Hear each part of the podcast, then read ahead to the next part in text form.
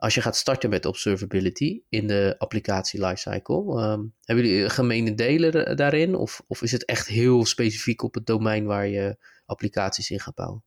Ik denk dat het uh, heel dom domeinspecifiek is. Er zijn, kijk, eigenlijk het eerste dat in mijn hoofd uh, te binnen schoot was uh, error rate en dingen als bijvoorbeeld de response time. Ja.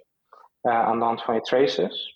Maar ik kan me ook voorstellen dat er omgevingen zijn waarin een bepaalde mate van betrouwbaarheid belangrijker is dan snelheid. Ja. Het, is, het is heel moeilijk te zeggen. Het belangrijkste is om gewoon het gesprek aan te gaan met je stakeholders. Ja. En uh, samen tot een set aan metrieken te komen die, uh, die, die werkt voor jullie en die het geluk van je klant uh, meetbaar kunnen maken. Ja, precies. Observability voor pacemakers is heel anders dan de observability voor jewels op je, op je iPhone, uh, zeg maar. Ja, precies. jewels op je iPhone, ja. Alhoewel, ja, zou het een relatie kunnen zijn, hè? Als je slecht...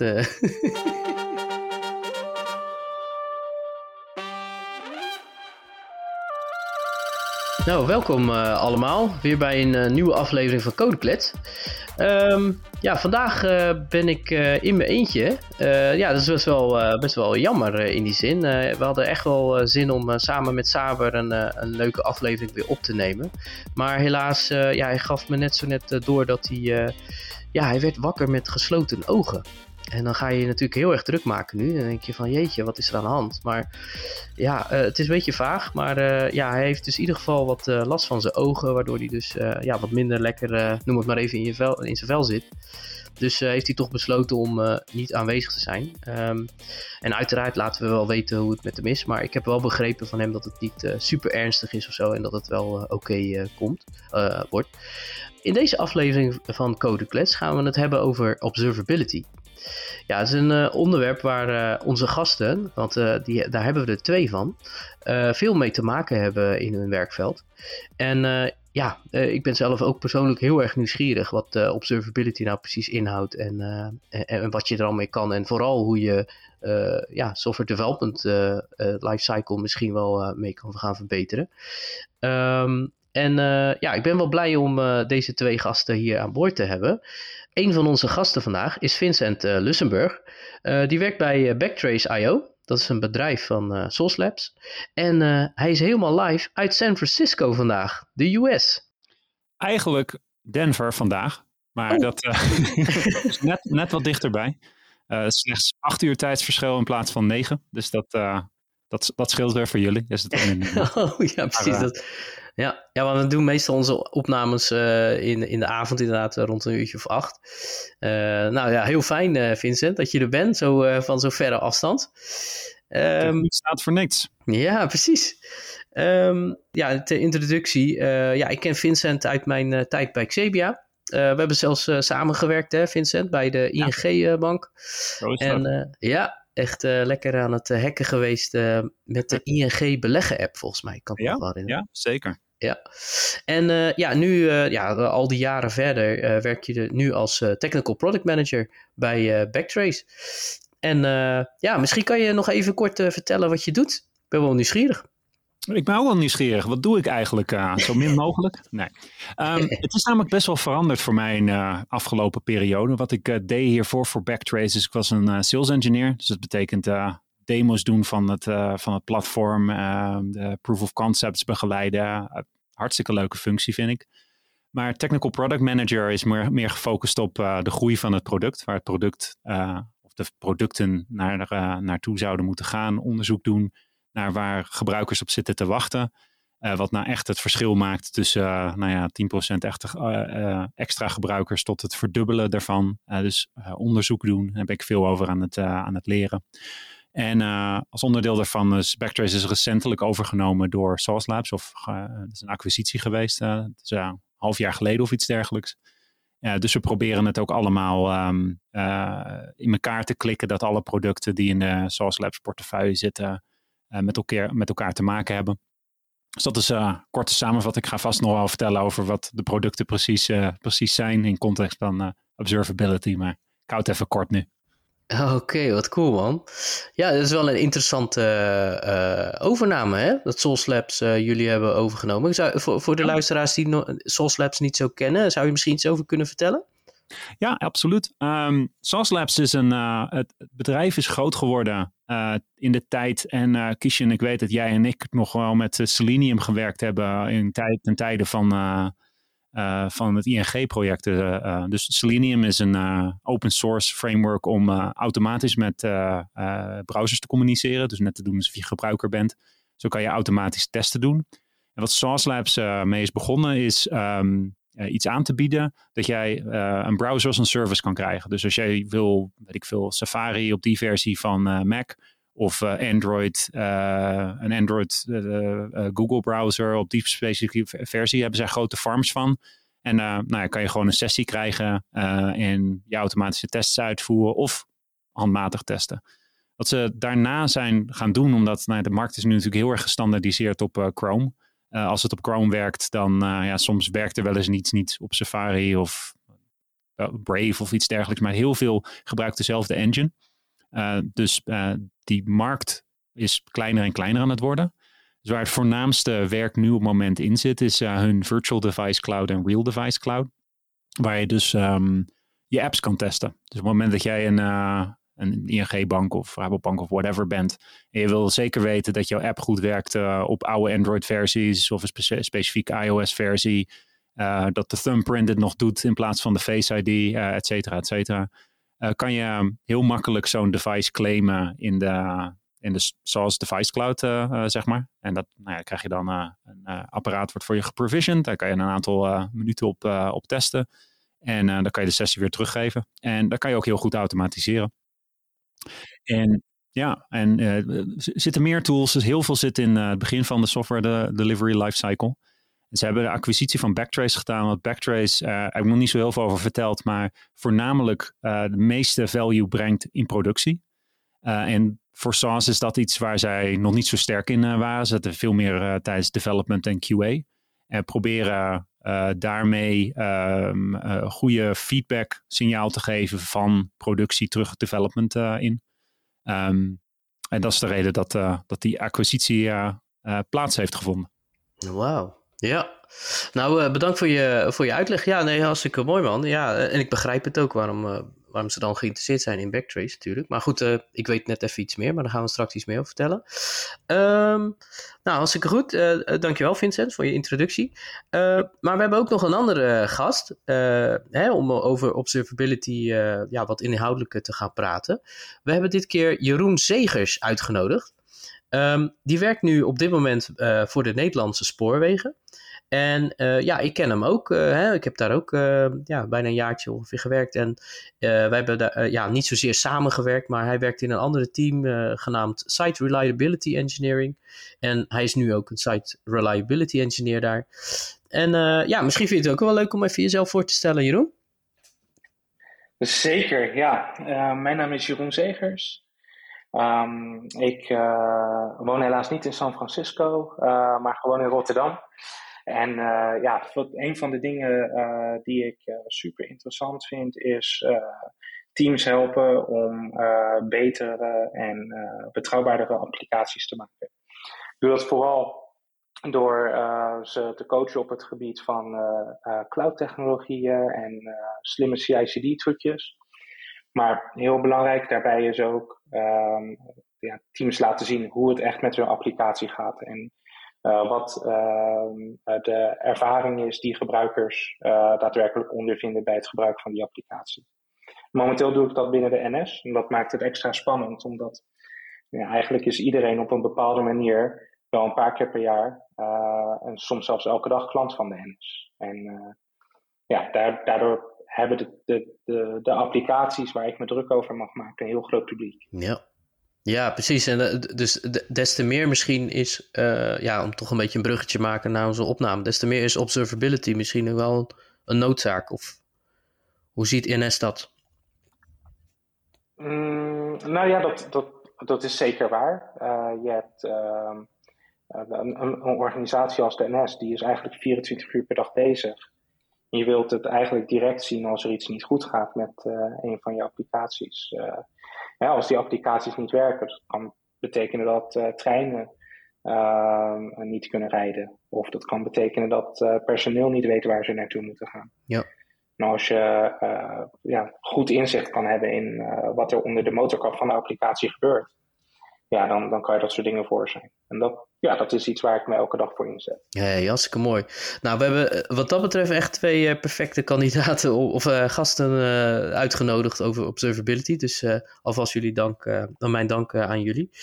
Um, en over dank gesproken, ik wil ook even vandaag een speciale shout-out doen naar Wouter Dijks. Dat is uh, een van onze codeklets.nl fans. en uh, we spreken elkaar regelmatig ook op onze codeklets Slack workspace. Um, ja, en die heeft voor ons echt even de tijd genomen om alle vragen op te stellen over deze, voor deze aflevering. Dus ja, nogmaals heel erg bedankt Wouter voor je input. ja, zonder jouw effort was deze aflevering ja, een beetje leeg misschien. Dus, dus ja, in ieder geval heel erg bedankt. En ja, we gaan, je zal het horen, we zullen je vragen gaan stellen. Um, even kijken. Ja, we gaan nu even door naar het volgende onderdeel van onze podcast. Is uh, ja, gewoon even wat meer jullie leren kennen. Um, uh, ja, wij vragen altijd onze gast om iets te vertellen over ja, wanneer uh, het programmeren, zeg maar, het coderen begon in je leven. Hè? Um, ja, um, dus ja, misschien, Vincent, zou jij daar misschien willen mee willen beginnen? Zou je eens kunnen vertellen wanneer het begon en hoe en wat? En, en misschien oh, ook wel waarom? Zeker. Ja, uh, Commodore 64. Uh, eh, dus dat is, uh, nou ja, jaren en jaren geleden. Ik zal, denk ik, negen of tien geweest zijn. En ik begon origineel met ehm, basic programma's overtypen, want zo ging dat vroeger. dan had je een boek en nou ja, typte je gewoon letterlijk over wat er in het boek stond. En dan deed het programma wat. Ik weet dat ik ehm, een programma ingetypt had die een een of ander Beatles nummer um, uh, 8-bit uh, naspeelde, zeg maar. Oh, toen ik ermee klaar was, realiseerde ik me dat ik het verkeerde um, hoofdstuk ingetypt had. En dat nummer van de Beatles, dat kende ik helemaal niet. Dus dan moest ik de andere 64 pagina's uh, intypen. Oh, nee, dus, dat is langzaam steeds erger geworden. in de vorm van, ik en toen, ik ben een, was, ben een Star Trek nerd. Dus ik heb mijn eigen Star Trek simulator, text-based uh, adventure in elkaar uh, getypt. En een aantal van de um, herinneringen die ik heb, is dat ik me kan herinneren dat um, Basic in die tijd moest je altijd een regelnummer ervoor zetten, zeg maar. Want dan, dan kon je go-to schrijven, 10 go-to 30, zeg maar. En ik kan me herinneren dat je je programma een instructie kon geven als je te weinig regelnummers had, want op een gegeven moment als je te veel go-to's gemaakt had en je hebt 11, 12, 13, 14, 15, en weet je wel, dan kan je het programma zelf uh, nieuwe nummers laten toekennen met een soort van 10 ertussen, zodat je weer wat ruimte hebt. Ik kan me herinneren dat dat uh, uren duurde voor zo'n simpele operatie als oh. nummertjes toewijzen aan een, aan een regelnummer. Oh, nice. Ja. En, en weet je nog ongeveer wanneer dat was? 19... 1990 moet het geweest zijn, denk ik. daarom, daarom trend. Ik heb nog ergens een, uh, toen ik verhuisde naar Amerika, ergens een uh, printout gevonden. Weet je wel, met zo'n matrix printer, met van die uh, dingetjes aan de zijkant. Dat ik het gedeelte ervan uitgeprint had. Super mooi. Ik denk zelfs dat ik nog een floppy disk heb waar het op staat, die niemand meer kan lezen. Ik kan me nog een keer een filmpje herinneren van uh, iemand die uh, een YouTube-filmpje had gemaakt met zo'n printer. Weet je wel, die, uh, ja, ja, die dat geluid nog eventjes wilde laten horen. Oh, ik kreeg gelijk kippenvel, joh. Ja, ik kan me zelfs herinneren iemand die het, de, hoe noem je dat, Star Wars um, hoe noem je dat, Imperial March uh, nagespeeld had met, met zo'n printhead. Oh, wacht even. Deze gaat in de show notes, man. Even kijken. Oké, ik ga het even opschrijven hoor. Dus YouTube uh, film uh, Star Trek. En hoe heette die prins ook weer? Imperial March van Star Wars in dit geval. Star Wars, ja. En dan welke printers ook weer? Hoe heette die dingen ook weer? Matrix printers. Matrix printers was het, ja. Oh, nou, die gaan we even opzoeken. Ik denk dat de mensen wel geïnteresseerd zullen zijn. Oké, ja, uh, nou oké, als ik het op. En uh, wanneer ben jij, de, ja, daarna eigenlijk echt, weet je wel, basic was je eerste taal, maar heb je daarna nog een andere taal uh, waarvan je dacht, oh, die vind ik toch wel noemenswaardig, waar je in verdiept hebt? Ik heb een een of andere taal geprogrammeerd die, weet je nog, voordat er um, smartphones waren, waren er, um, die apparaten heette Cyan, P-S-I-O-N. Van die soort van super ja, ja, ja, maar, maar wel dat je een soort van open kon klappen, dat je een toetsenbordje had en zo. Ja. En daar kon je ook op programmeren. En mijn, mijn ouders waren altijd uh, uh, super tech-forward, zeg maar. Dus ik had op een gegeven moment uh, de oude Cyan 3A of zo van mijn vader of moeder, ik weet het niet meer precies. Um, en daar kon je ook op in programmeren. Iets van visual nog wat. Uh, ik kan me niet meer exact herinneren. Dus dat, daar heb ik ook nog wel wat mee gedaan. Maar daarna eigenlijk niet echt heel erg um, gediversificeerd. Tot ik begon met, uh, met werken. Ja. En ik ben origineel opgeleid in, in Kopel. je gelooft het niet. of wat? ja, ja, ik okay. ging gelijk naar de middelbare school werken. Zeg maar een leerwerktraject. Dat je vier dagen kon werken, twee dagen naar school kon gaan. Um, en een of andere heldere geest die had het idee, nou, laten we een 17-jarig mannetje, of nou ja, 18-jarig, uh, laten we die COBOL gaan leren. Um, ik heb er nooit wat mee gedaan professioneel. Dat ik ben daarna Java gaan leren. Dat heb ik het voornaamste van mijn, van mijn carrière gedaan. en heel lang gedaan uiteindelijk tot ik verhuisde naar Amerika. En toen ben ik voor een ander bedrijf gaan werken. En sindsdien heb ik heel veel meer talen, heel, met heel veel meer talen dingen moeten, moeten doen. Ik zal niet de hele twee uur vol kletsen. Ik kan het wel. Ja, eh, ja, weet je, het, het, programma heet, of uh, onze show heet natuurlijk uh, Code Klets. dus wat dat betreft komen we er vast wel op terug. Nou, oké, okay, uh, dankjewel. nou, Jeroen, ja, hoe is het bij jou begonnen? ja, eigenlijk um, best wel een beetje hetzelfde als bij Vincent. ik vind het heel grappig. Ik, ik um, ben ook op de, um, in Basic begonnen. Dat was op een MSX-computer van Panasonic. En uh, ik kan me nog goed herinneren, dan zat ik inderdaad uh, midden in de woonkamer bij mijn ouders. Want dat ding zat op de televisie aangesloten, dus zat ik hele boeken over te typen. ook voor de tv en, ook. Uh, dus soms dan, ja, ja, ja, ja, soms dan begon ik gewoon te typen. Ik wist niet eens wat ja. het programma deed. Ik denk dat ik acht jaar was. En uh, toen had ik een boekhoudprogramma op mijn uh, uh, computer getypt. Wow. dan zat ik gewoon van ja, tegen mijn ouders van ja, vertel maar wat, wat jullie hebben uitgesproken deze maand. Dus, Het is shit, hè? super, ja, super grappig was ja. dat. En nou ja, hele boeken weggetypt. Um, ik had ook heel veel um, uh, ja, applicaties kan je het niet echt noemen, maar gewoon ja, een soort van scripts waren dat natuurlijk. Uh, op cassettes. Ja. En uh, ja, dat, dat, heeft, dat heeft echt mijn, mijn ogen wat, wat technologie betreft wel heel erg geopend. Ja. Ik ben toen later ook, um, toen ik mijn eerste DOS-computer kreeg, ben ik ook nog verder gegaan in QBasic. Oh, nice.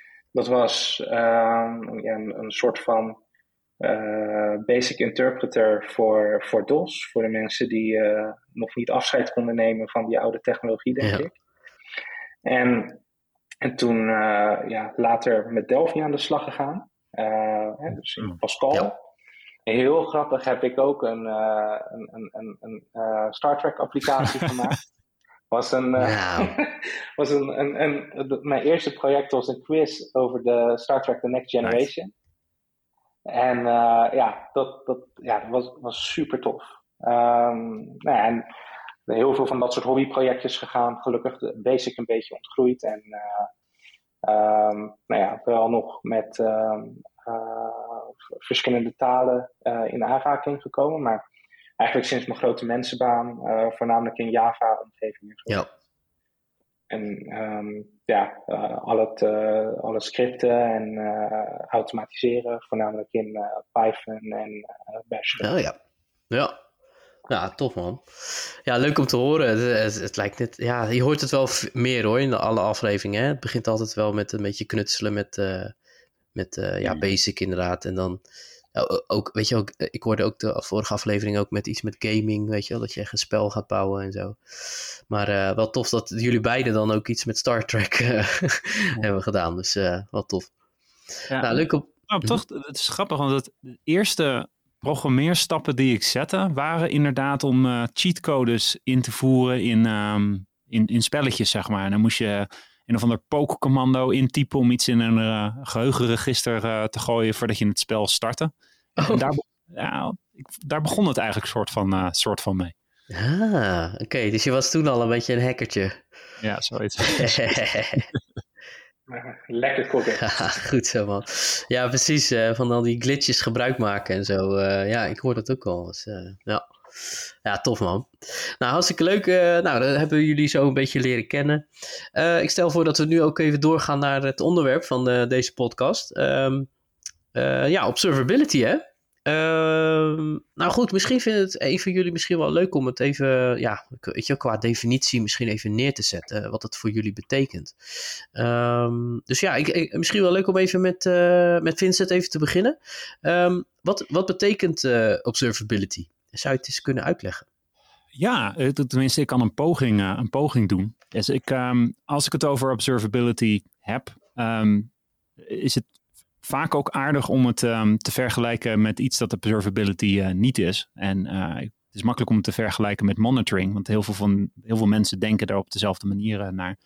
Maar waar monitoring en logging en dat soort dingen je heel erg laten zien dat er rauwe stromen met informatie en dan moet je dat interpreteren. Dus observability er veel meer op gefocust. Is, eigenlijk is het niet helemaal vergelijkbaar, want het is een ander beestje. Het is meer een mindset van um, ervoor zorgen dat door een combinatie van hoe je je applicaties bouwt, maar ook hoe je je applicaties, nou ja, niet monitort dus zeg maar, maar dat uh, observability eigenlijk op neerkomt dat het systeem je vertelt waarom het niet werkt. Niet dat het niet werkt of wat er niet werkt. Of, um, dus in plaats van dat je uh, heel erg moet gaan zoeken, dat de, de, useful insights, hoe vertaal ik dat? De nuttige inzichten naar boven komen, komen bubbelen, zeg maar. En uh, hoe ik het er voor Backtrace heel vaak, een van de zinnen die ik heel veel gebruik bij Backtrace is uh, signal-to-noise ratio. Dus wat wij voor game studios willen doen, is ervoor zorgen dat als hun spellen problemen hebben, dat zij een goede signal-to-noise ratio hebben. En dan zie ik noise als monitoring. Dus noise is op zich, je krijgt informatie binnen, maar er zit geen betekenis aan vast. En signal is hetgene waar je naar op zoek bent. En in het geval van observability is hetgene wat je wil weten, is waarom het niet werkt. Ah, oké. Ja, maar uh, dus trouwens, uh, ik zit nu even te beseffen. Uh, ja, Backtrace, hè, dat is natuurlijk wel een bedrijf wat, wat natuurlijk overgenomen is door Source Labs. Um, maar je hebt het nou net over games, hè? Um, kun, kun, je misschien iets meer vertellen over Backtrace, hè? Voordat we misschien mensen denken ook thuis van, joh, hey, waar heeft hij het nou over? Ja, nee, dat is op zich wel een goed idee inderdaad. Ja. Ik zal proberen de context te houden. Ja ja. lastig voor mij. Nee, maar Backtrace, waar het voornamelijk op gericht is, is um, een, het is niet alleen de games market, maar um, uh, een groot gedeelte voor games. is basically het error and exception monitoring voor uh, de gaming vertical. Uh, ik, ik merk dat ik deze pitch over het algemeen in het Engels doe. dus ik zit alleen, ja, geeft niet hoor. Komt goed. Um, dus uh, waar het op neerkomt is op het moment dat jij een game studio bent en jij, uh, jij maakt je spel. En dan gaat dat vaak naar duizenden verschillende spelers. En die kunnen op PlayStation, op Switch zitten. Heel veel spellen tegenwoordig zijn natuurlijk op mobiele platforms en tablets en, en dat soort dingen. Dus een beetje succesvolle game studio heeft al snel nou ja, duizenden mensen die dat spel aan het spelen zijn. Dus op het moment dat er dan iets fout gaat of iets gebeurt, met name massaal, um, zorgen wij ervoor dat al de informatie over de fouten die plaatsvinden, of dat nou een soort van soft fouten zijn, functionele fouten zeg maar, of harde crashes, dat we die allemaal verzamelen in um, één overzicht. Dus dan heb je je PlayStation crashes, naast je Switch crashes, naast je iOS, naast je Android, allemaal in één overzicht. Uh, met de juiste context uh, ook. Um, en waar dan ook een onderdeel van is waar we heel erg veel op focussen, is het uh, deduplication. Dus op het moment dat je tienduizenden fouten krijgt van duizenden verschillende apparaten, um, met name in een wereld waar je dus te maken hebt met, met gamers die allemaal op hun eigen apparaten zitten te spelen.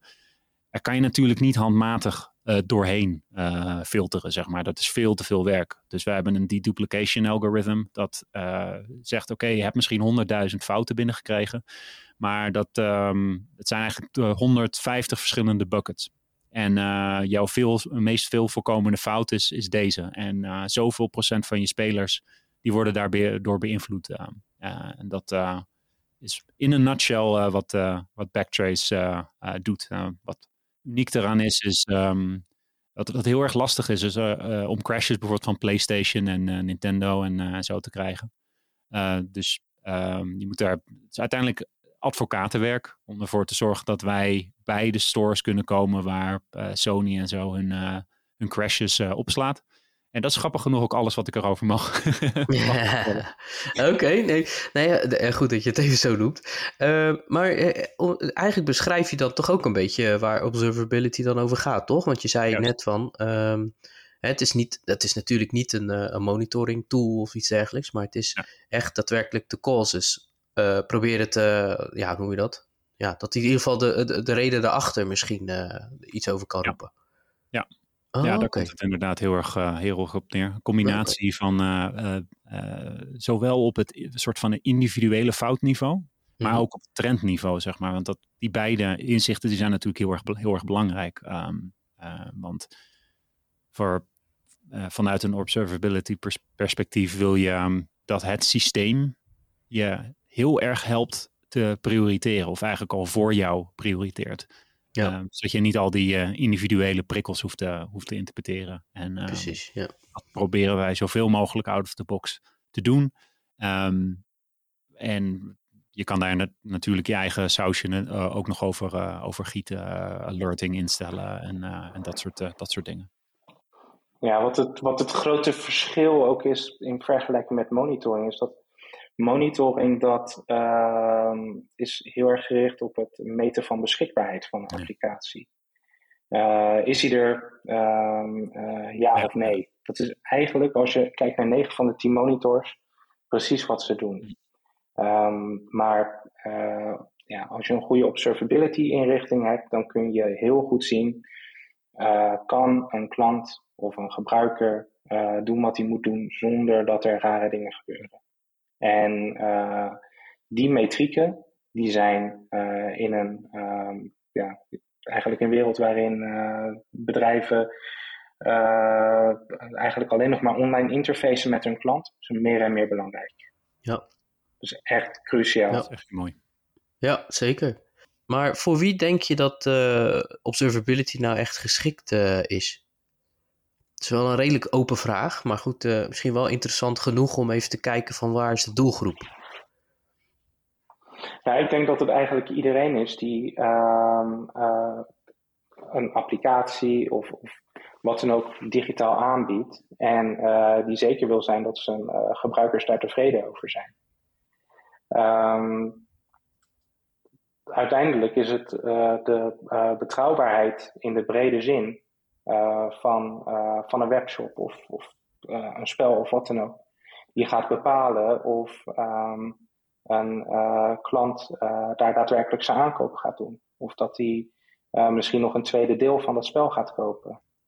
Um, ja. Dus ja, ik zou eigenlijk willen zeggen, iedereen moet hier, hè, iedereen die luistert in ieder geval, uh, moet zich op een bepaalde manier gaan afvragen hoe kan ik observability een plek geven binnen mijn stack. Ja, ja want het is, het is eigenlijk wat je zegt, het is gewoon niet weg te denken. Dus het is niet iets wat, uh, wat, je, ja, wat je kan negeren. Doe me... Nou, kijk, op, op het moment dat jij uh, echt uh, een, een bepaalde kwaliteitslat wil neerleggen en ook meten in hoeverre je die kwaliteitslat haalt, dan uh, is observability een, een, heel erg belangrijk aandachtspunt. Zeker. Ja. ja. En Vincent, waarom vind jij, uh, vind jij het belangrijk? Um, ik vind het belangrijk omdat uh, er alleen maar meer digitaal spul in de wereld komt. En um, data interpreteren is moeilijk en duur en, en saai. en um, het nadenken over hoe je applicatie of het, hetgene wat je aan het bouwen uh, bent kan uitdrukken. Um, hoe, het, hoe het met het ding gaat. Dus niet alleen of het stuk is of uh, niet, wat, wat Jeroen net al uh, zei, maar hoe de, nou ja, wat, wat de helft ervan van is. Of inderdaad de, de, de doelen van de business behaald kunnen worden. Of, oftewel, of ja, de spelers kunnen spelen. Of de mensen hun, hun aankoop kunnen, kunnen doen. Um, is essentieel natuurlijk om je uh, de techniek overeind te houden en ehm, de business of degene die uiteindelijk betalen voor, voor IT het best op de best mogelijke manier kunnen, kunnen bedienen. Ehm, ik denk ook dat observability soort van. Het is, uiteindelijk is het een concept natuurlijk. Hè? Concept, een model, whatever. En het heeft eigenlijk altijd bestaan. Je kan niet geen observability hebben. Je kan slechte observe, iets kan slecht observable zijn, zeg maar, of niet ontworpen voor observability. Maar het is natuurlijk iets dat je altijd tot op zekere hoogte aanwezig is. En dat het alleen een soort van een nieuwe term is om op die manier over na te denken. Omdat ehm, het niet alleen gaat om. Um, monitoring is heel erg gefocust op. Ehm, je, monitort iets, zeg maar. Je gaat van buiten, je gaat kijken hoe het, hoe het het doet. Terwijl observability van verschillende kanten af, afkomt. Dus het is meer mindset van uh, hoe kan je observable uh, zijn. Dus het is niet alleen, ik heb dat ding over daar, uh, daar um, en dat wil ik observen. Eh, of monitoren, zeg maar. Het is meer dat het, het ding zelf ook nadenkt van hey, hoe kan ik de juiste signalen geven, zodat men weet wat er onder de motorkap plaatsvindt. En dat um, ja, is gewoon essentieel om um, goede stappen te zetten en de business te vriend te houden, zeg maar, die uiteindelijk betaalt voor je, voor je mooie software. Ja, en dan, dan kom je ook in een in een situatie terecht waarbij je bijvoorbeeld kan gaan nadenken van ja, wat zijn metrics die ik kan exposen om te zien in hoeverre mijn business doelen nog worden behaald. Dus ja, en dat is iets dat, dat bij monitoring ben je daar totaal niet mee bezig. Dus, ja. Kijk je alleen, ja, werkt het? Um, maar bij, bij observability kijk je echt naar bepaalde kwaliteitsdoelen. Uh, en ja, ik, ik denk dat dat wel een, um, ja, natuurlijk, het woord is nieuw, uh, maar dat is wel iets dat, uh, dat daar nu pas over gesproken wordt. Dat is eigenlijk heel raar. Ja, ja, ja mee eens hè. Ja, ja wat, uh, ik, ik, een vraag die me ook ineens te binnen schiet. Jullie gebruiken net de termen, hè? Tracing werd net genoemd. Iets wat ik ook vaak hoor is metrics. Um, Zouden jullie, eh, hè, want dat, dat hoor ik ook vaak gewoon in de wereld van, uh, van, van al die verschillende leveranciers rondom observability. Hè? Zouden jullie het verschil kunnen uitleggen voor ons? Hè? Van wat het verschil is tussen ja, tracing. Of misschien moeten we wel beginnen bij monitoring, tracing en metrics. Dus de, de verschillen van die drie. Ja, is, is goed. Ik kan die wel even oppakken. monitoring, dat is eigenlijk van buitenaf kijken uh, is een applicatie beschikbaar. En dat kan je doen door uh, uh, API-calls uh, te, te faken uh, richting een bepaald endpoint en te kijken of dat endpoint dan bijvoorbeeld de verwachte output geeft.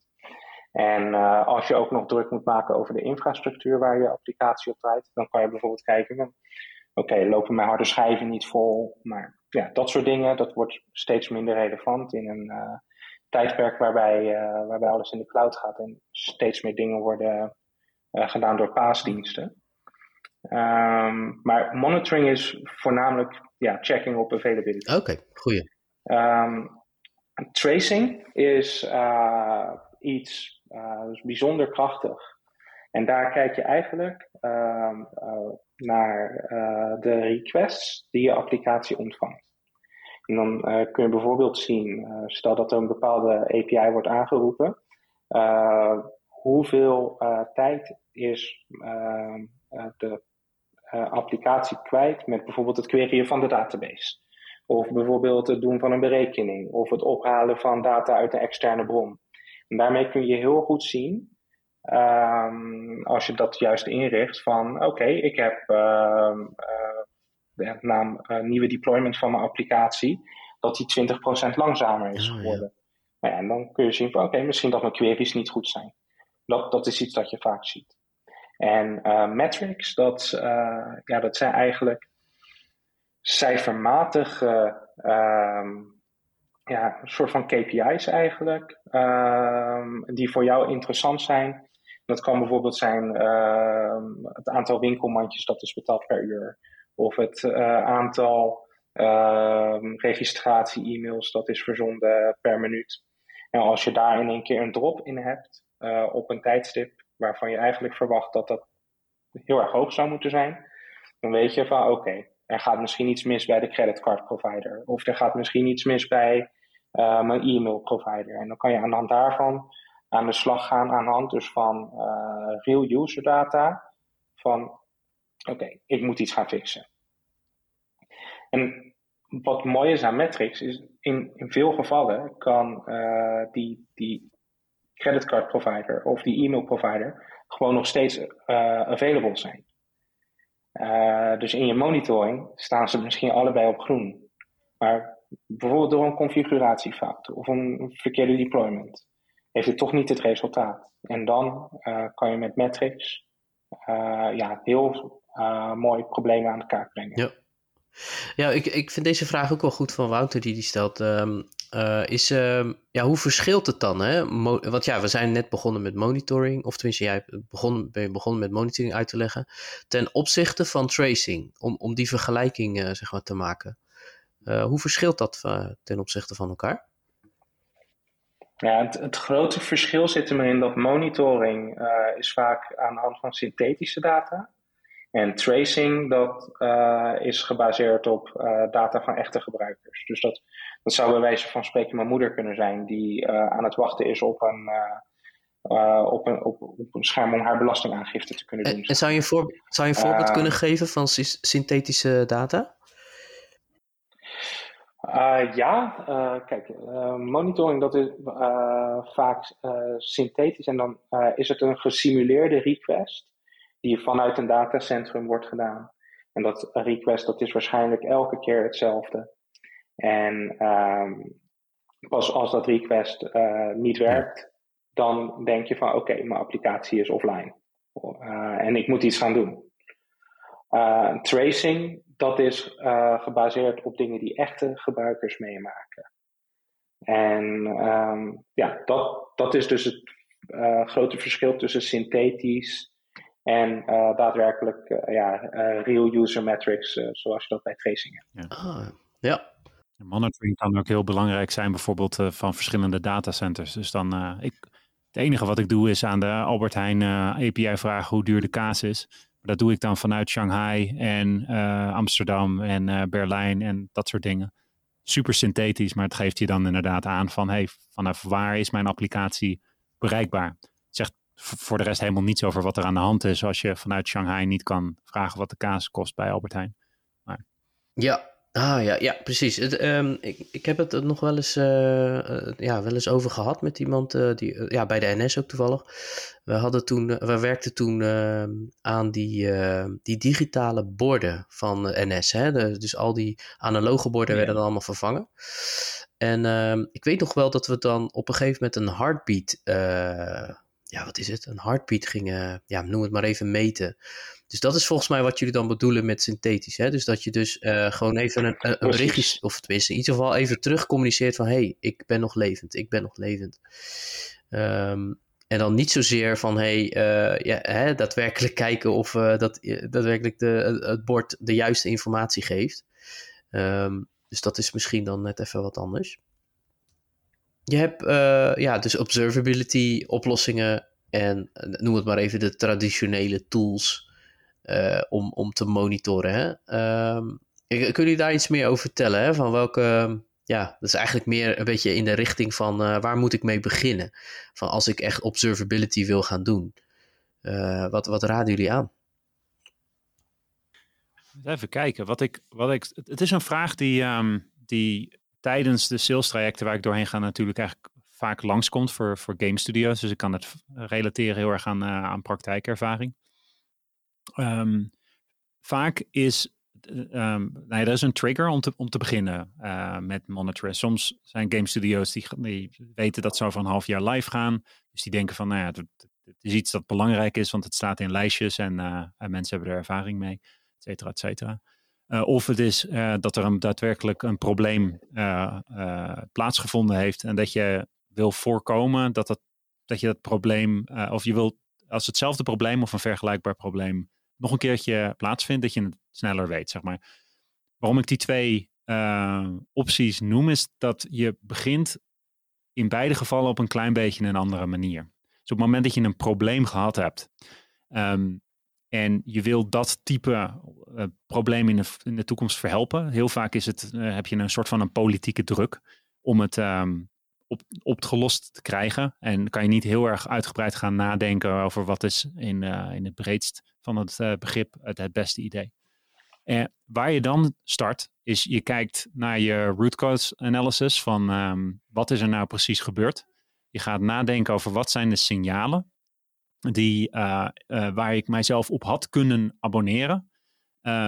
Op, zonder dat ik iets aanpas, zeg maar. Observability uh, draait natuurlijk ook heel erg om het uitbreiden van je applicaties, zodat ze de juiste informatie geven aan systemen, zeg maar. Het is niet een kwestie van alleen ernaar kijken.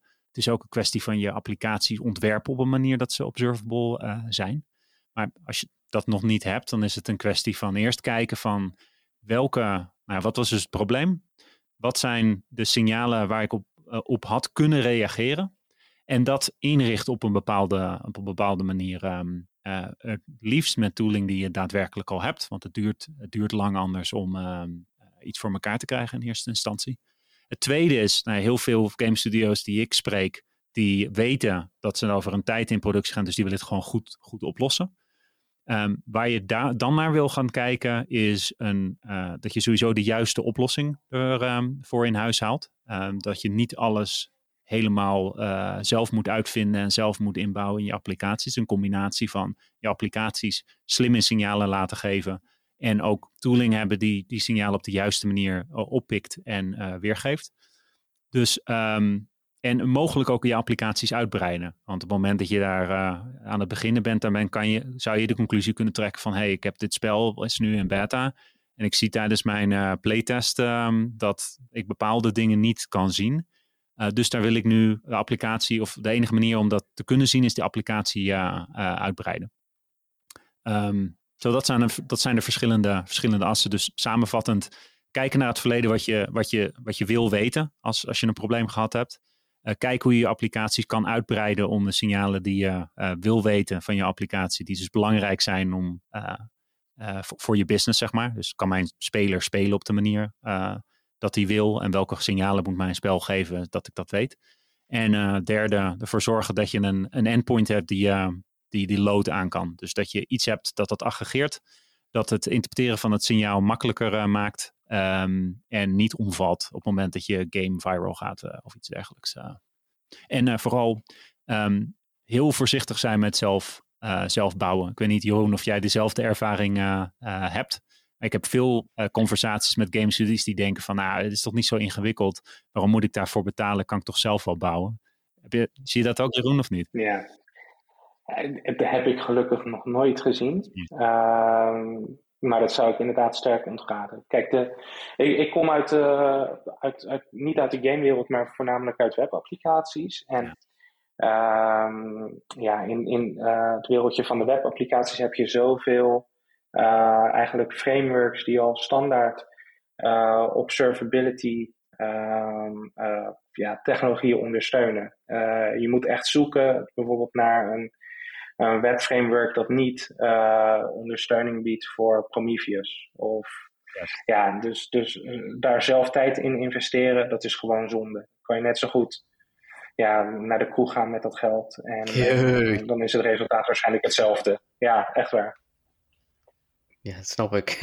de, dat, uh, dat lijkt me heel goed. Uh, goede tijd sowieso en geld om op te besteden. ja. Ja. Ja, nee, dat is. Uh, ja, want uh, ja, de vraag die ook uh, vanuit Wouter kwam was: ja, waar, waar start je dan hè, met implementeren van zoiets? En nou, wat, jullie, wat ik van jullie hoorde in ieder geval is niet, niet zelf proberen te ontwikkelen. Maar, maar ik denk wel dat we iets te maken hebben met observability by design. Hè? Dus die zal dan toch in je architectuur Precies, of ja. ja. hoe je het ook wilt noemen, ontwerp van je applicatie het mee moeten nemen. Ja, wat, wat daarbij erg belangrijk is, is dat je uh, uh, rekening houdt bij het uh, schrijven van je applicatie dat eh, bepaalde data die relevant is binnen je observability solution, dat die door je applicatie gedeeld kan worden. Wat je ziet bij heel veel ehm, applicaties tegenwoordig is bijvoorbeeld dat ze gewoon een metrics pagina hebben die gescraped kan worden. nou ja, dat is een hele simpele manier om uh, te zorgen dat de, de, de applicatiedata in je observability stack terecht kan komen. het zal best kunnen dat je in de eerste instantie nog niet eens concreet weet wat je met die data wil gaan doen. Maar het feit dat het op een centrale manier wordt opgeslagen en dat je misschien pattern recognition daarop kan doen om bepaalde patronen in beeld te krijgen, dat is al super waardevol. Ja. En eh, ja, je, je zei net scraping, hè? Um, wat, wat zou je dan moeten scrapen? Uh, welke, ja, welke tools zijn dat die je dan daarvoor kan gebruiken? Um, ja, de eigenlijk meest gebruikte tool op het moment, dat is Prometheus. Prometheus, dat is een, ja, eigenlijk een, een, soort database die geconfigureerd kan worden om HTTP-endpoints te schepen om de minuut of uh, ja, wat jij nodig hebt. En het is dan vrij gemakkelijk als jij uh, uh, metrics op een endpoint ehm, uitserveert, om die te voeren aan Prometheus. En je kan dan daar naar kijken in dashboards, of je kan zeggen van, nou ja, als er bepaalde waarden zijn die, die niet oké zijn, dan wil ik een bericht krijgen. Oh ja, ja. Maar is dat dan observability of is dat dan monitoring? Ik ben even in de war hoor. Ja, dat, dat is een hele goede vraag. Um, je uh, availability monitoring, die ga je waarschijnlijk niet op die manier doen. Want op het moment dat je applicatie er niet is, dan uh, is waarschijnlijk dat uh, scraping endpoint ook niet beschikbaar. Uh, maar je kan um, op, een, uh, op zo'n endpoint kan je wel heel goed uh, dingen laten zien van oké, hoeveel winkelmandjes zijn er per minuut uh, afgehandeld? Oh, ja. Ja. Of, hoe snel zijn requests afgehandeld? hoe lang is mijn applicatie bezig met het queryen van de database? En op die manier uh, kun je dus een, ja, een, een goed beeld uh, krijgen van ja, hoe, wat de gebruikerservaring is op een bepaald moment. Ja, oké, okay, cool. Ja, dus, dus oh sorry Vincent, ga je gang. Ja, ik, ik, zou daar wat aan toe willen voegen vanuit de, de, de, de gamehoek. Um, dus wat Backtrace recentelijk heeft, uh, of nou het is alweer tijd geleden, heeft toegevoegd is uh, error-free metrics. Wat een heel belangrijke um, manier is om een gevoel te krijgen uh, met hoe, hoe, je, je spelers, spelersbasis, hoe het daarmee gaat. Dus wat wij uh, doen is niet alleen het bijhouden van de fouten die plaatsvinden. Dat is in het begin wat Backtrace doet. Dus exception is of het crasht of je hebt een hang of iets dergelijks, dat dat opgestuurd wordt. Maar wat we toegevoegd hebben ook is op het moment dat een sessie gestart wordt. Of de applicatie gestart wordt in het, uh, uh, in het geheel, zeg maar. dat die data ook beschikbaar is. dus dan kan je in context zien van misschien gaat mijn error rate wat omhoog. Maar hoeveel, hoeveel mensen hebben daar daadwerkelijk last van. Uh, hoeveel verschillende spelers uh, uh, zijn dat?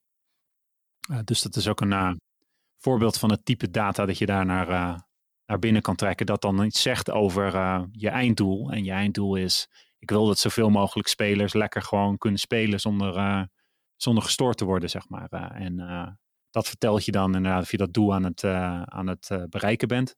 Bijvoorbeeld 95% van de spelers zijn foutvrij. Uh, en wat er dan binnen die 5% gaat, tot op zekere hoogte, weet je wel, um, daar kan je ook nog wel weer op, uh, op gaan inzoomen en zo.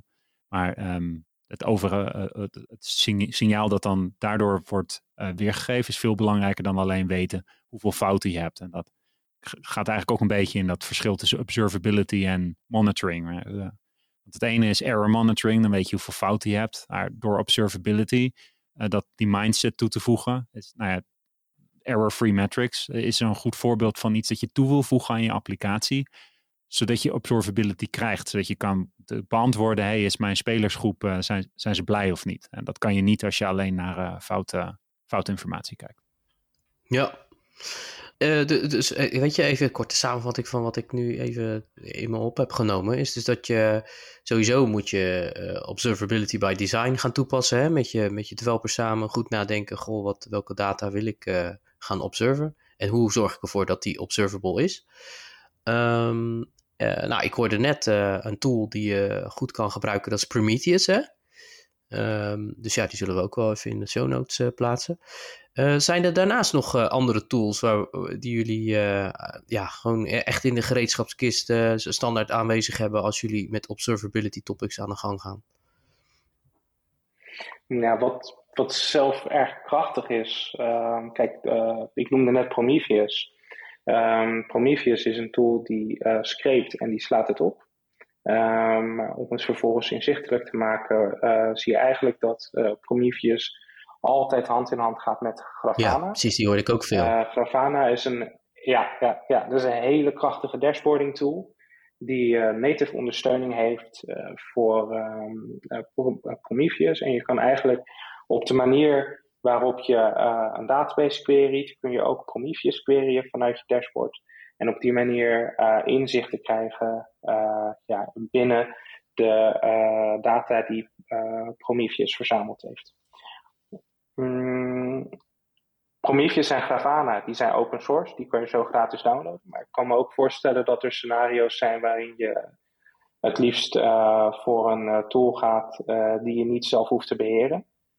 In dat geval, ja, er zijn eigenlijk twee tools die ik persoonlijk heel graag gebruik. aan de ene kant Datadog en aan de andere kant New Relic. En dat zijn eigenlijk SaaS-diensten om min of meer datzelfde doel te bereiken. Hm. Dat is heel saai, want ik zou dezelfde twee genoemd hebben. Dus wij zijn het niet met elkaar Oh man, shit. Uh, dit begint ja, te worden. Ja, zeg. Dat zijn ook toevallig de, dat zijn toevallig ook de twee met de mooiste t-shirts. Dat zal uh, wellicht ook nog een rol spelen oh, in dit antwoord. Ja, ik had natuurlijk gehoopt dat jullie elkaar zouden, weet je wel, zouden zeggen, uitlachen zeg maar. Maar dat is ja. dus niet gelukt. Nee, helaas. nee, nou oké. Oké. Okay. Uh, nou, ik, ik hoor ook wel eens uh, over Logsaio hoor ik ook wel eens uh, wat geluiden. Wat, uh, hebben jullie daar ervaring mee? Ja, Log.io is uh, bijzonder krachtig. Dus, je kan het eigenlijk zien als een um, SaaS-oplossing die hetzelfde doet als wat de Elk Stack doet. Oh ja. Um, het is op een bepaalde manier wel, wel ja, je zou het een observability solution kunnen noemen, maar het is voornamelijk gericht op logging. Ja, precies. Um, dus doorzoekbaar maken van je logs uh, en, en daar weer bepaalde analyses op. Ja. Ja, want ik, ik, uh, ja, ik hoor ook steeds meer over stack state de laatste tijd. Uh, is dat ook een. hè, want ja, misschien kunnen jullie daar ook iets over vertellen. Want ja, ik, ik heb wel een beetje begrepen dat die ook allerlei causes en hè, relaties probeert te leggen over ja, wat er gebeurt in je product landscape. Um, ja, stack state is toevallig iets dat we ook gebruiken binnen de NS. Ehm, en waar uh, stack state bijzonder sterk in is, is um, inderdaad, zoals je, zoals je zegt, relaties leggen tussen verschillende stukken van je landschap. Dat kan heel nuttig zijn wanneer je um, bijvoorbeeld als bij de NS heel veel afdelingen hebt die uh, vele verschillende applicaties maken die uh, met elkaar moeten interacteren. En dat je dan eigenlijk een keten binnen je applicatie inzichtelijk wil maken. Maar het kan ook nuttig zijn wanneer je een microservice architectuur hebt. En je dus ehm, data vanuit verschillende stukken ja, van, dat microservice landschap uh, samen moet gaan brengen om het, ja, de totaalervaring voor je klant in, in beeld te brengen. Ja, ja, ja. ja.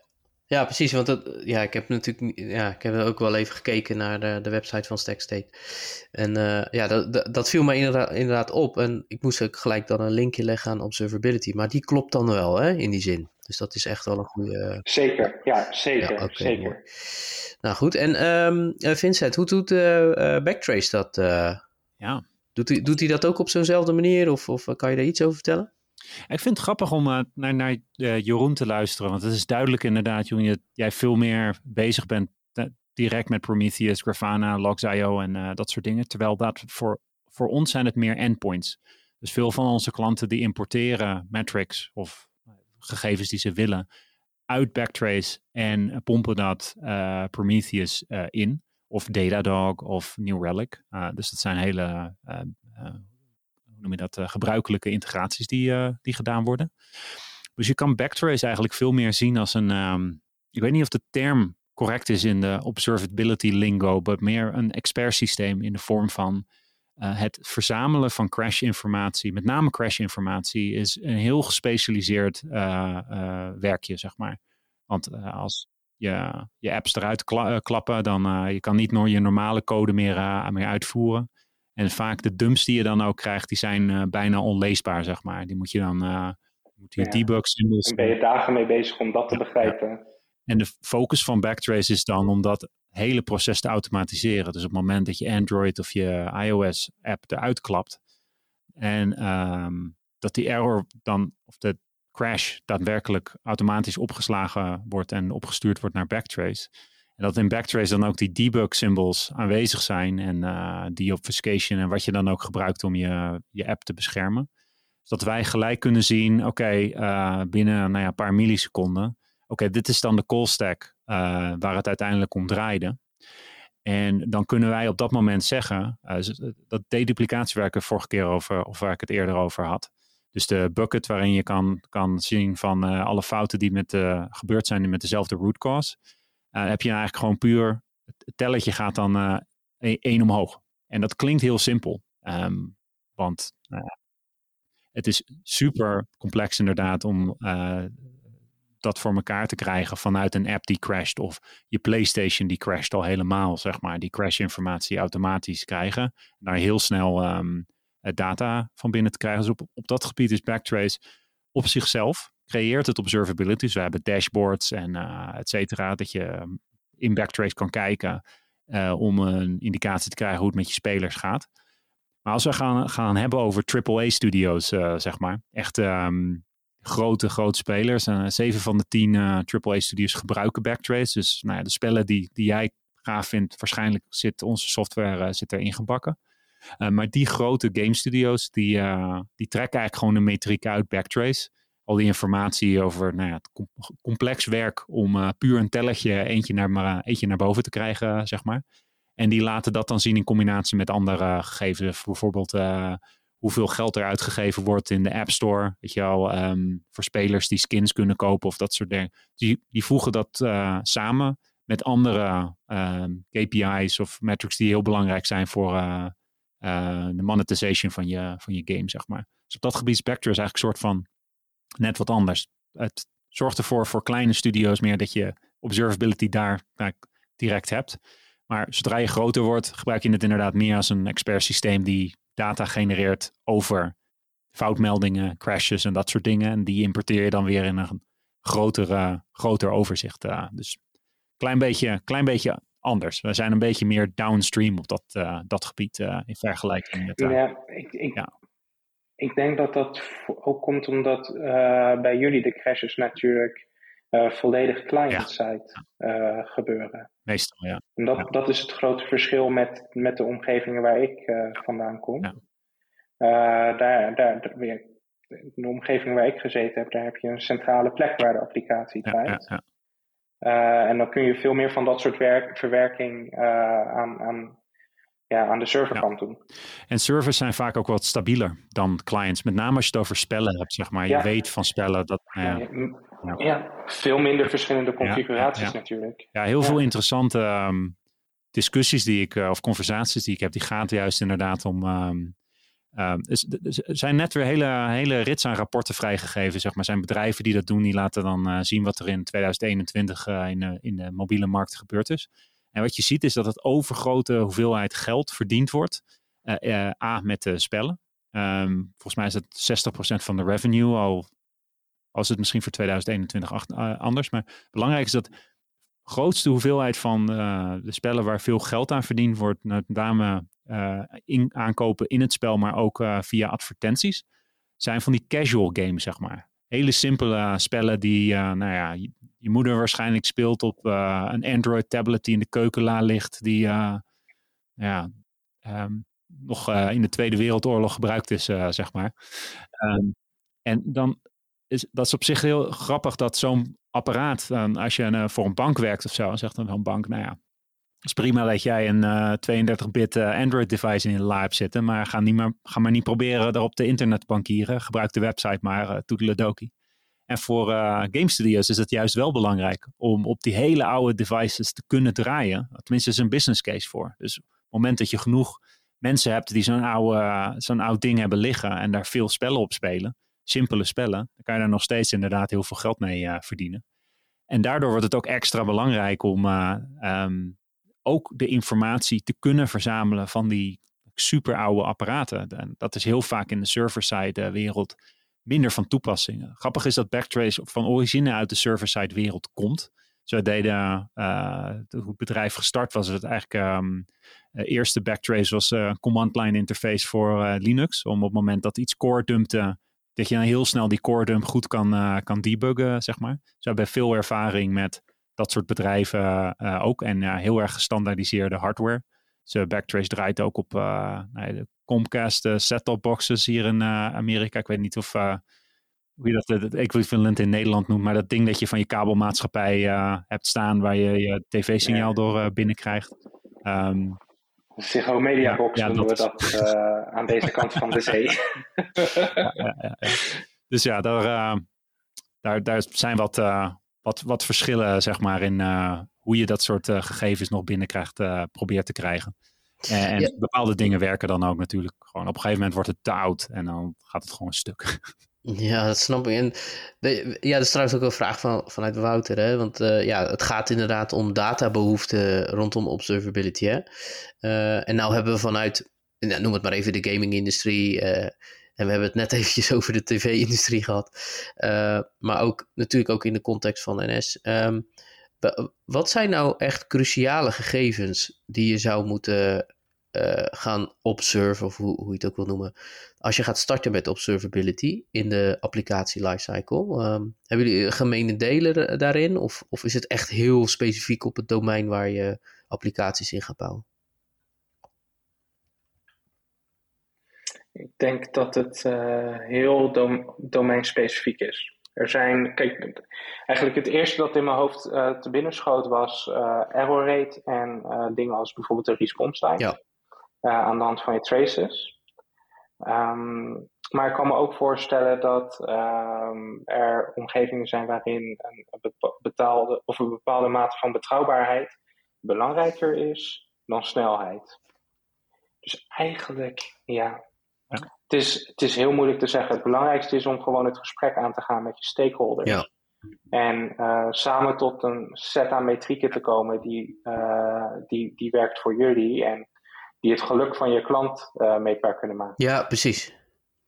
Observability voor uh, pacemakers is heel anders dan de observability voor uh, jewels op je, op je iPhone, zeg maar. Ja, precies. jewels op je iPhone, ja. Alhoewel, ja, zou het een relatie kunnen zijn, hè? Als je een slechte... nou, sorry. Flauwe grap. Maar inderdaad, joh, eh, weet je, het is inderdaad eh, weer zo'n it depends uh, situatie. Maar, uh, maar wel fijn dat je, de, ja, Jeroen, dat je toch even de twee belangrijkste misschien even noemt. Die error rate en, wat was die andere ook weer, sorry? Um, response time. Ja, response time, ja, ja, ja. Want ik denk toch wel dat dat... Ja, ik zou er nog eentje aan toevoegen. Uh, dat is heartbeats, denk ik. Uh, dat is een beetje heeft te maken met response time ook. Omdat de heartbeats um, een simpele manier is om een indicatie te krijgen van dat iets. Uh, het is belangrijke informatie om te hebben als je, dat je, als je daar een geautomatiseerde um, stroom van data uh, bij hebt. En uh, uiteindelijk, waar ik het over had, die crash-free gegevens. dat zijn uiteindelijk, je kan, je kan het ook als heartbeats zien, zeg maar. Als een speler een spel aan het spelen is. Um, voor het is instelbaar natuurlijk, maar elke half uur uh, volgt er een heartbeat, zeg maar. Dus het heeft hartslag van een uh, super olifant of zo. Niet veel, niet veel per uh, seconde, zeg maar. Um, dat is ook een belangrijk en een soort van een makkelijke, zeg maar. Heartbeats zijn niet, zijn niet moeilijk, zeg maar. Het is heel erg, als je eens een keertje heartbeat misloopt, weet je wel. zit een of andere kink in de kabel, het komt niet binnen. Hey, niks aan het handje. Um, dus dat is ook eentje die makkelijk, makkelijk te bereiken is, zeg maar. Ja, Nee, inderdaad. ja, dit, uh, kijk, ik kan me ook wel voorstellen als je dus die, uh, noem het maar even, die data uh, opslag en stromen, dat je die op een gegeven moment natuurlijk in je applicatielandschap gaat, of je architectuur gaat organiseren. Um, hoe, hoe gaat het dan verder in zijn werk? Hè? Kunnen jullie daar iets over vertellen? Over van hoe je dan dat aanpakt? Uh, hè, hoe leg je die plannen zeg maar klaar om, om dat te gaan doen? Hè? Hebben jullie dan daar een concreet voorbeeld van?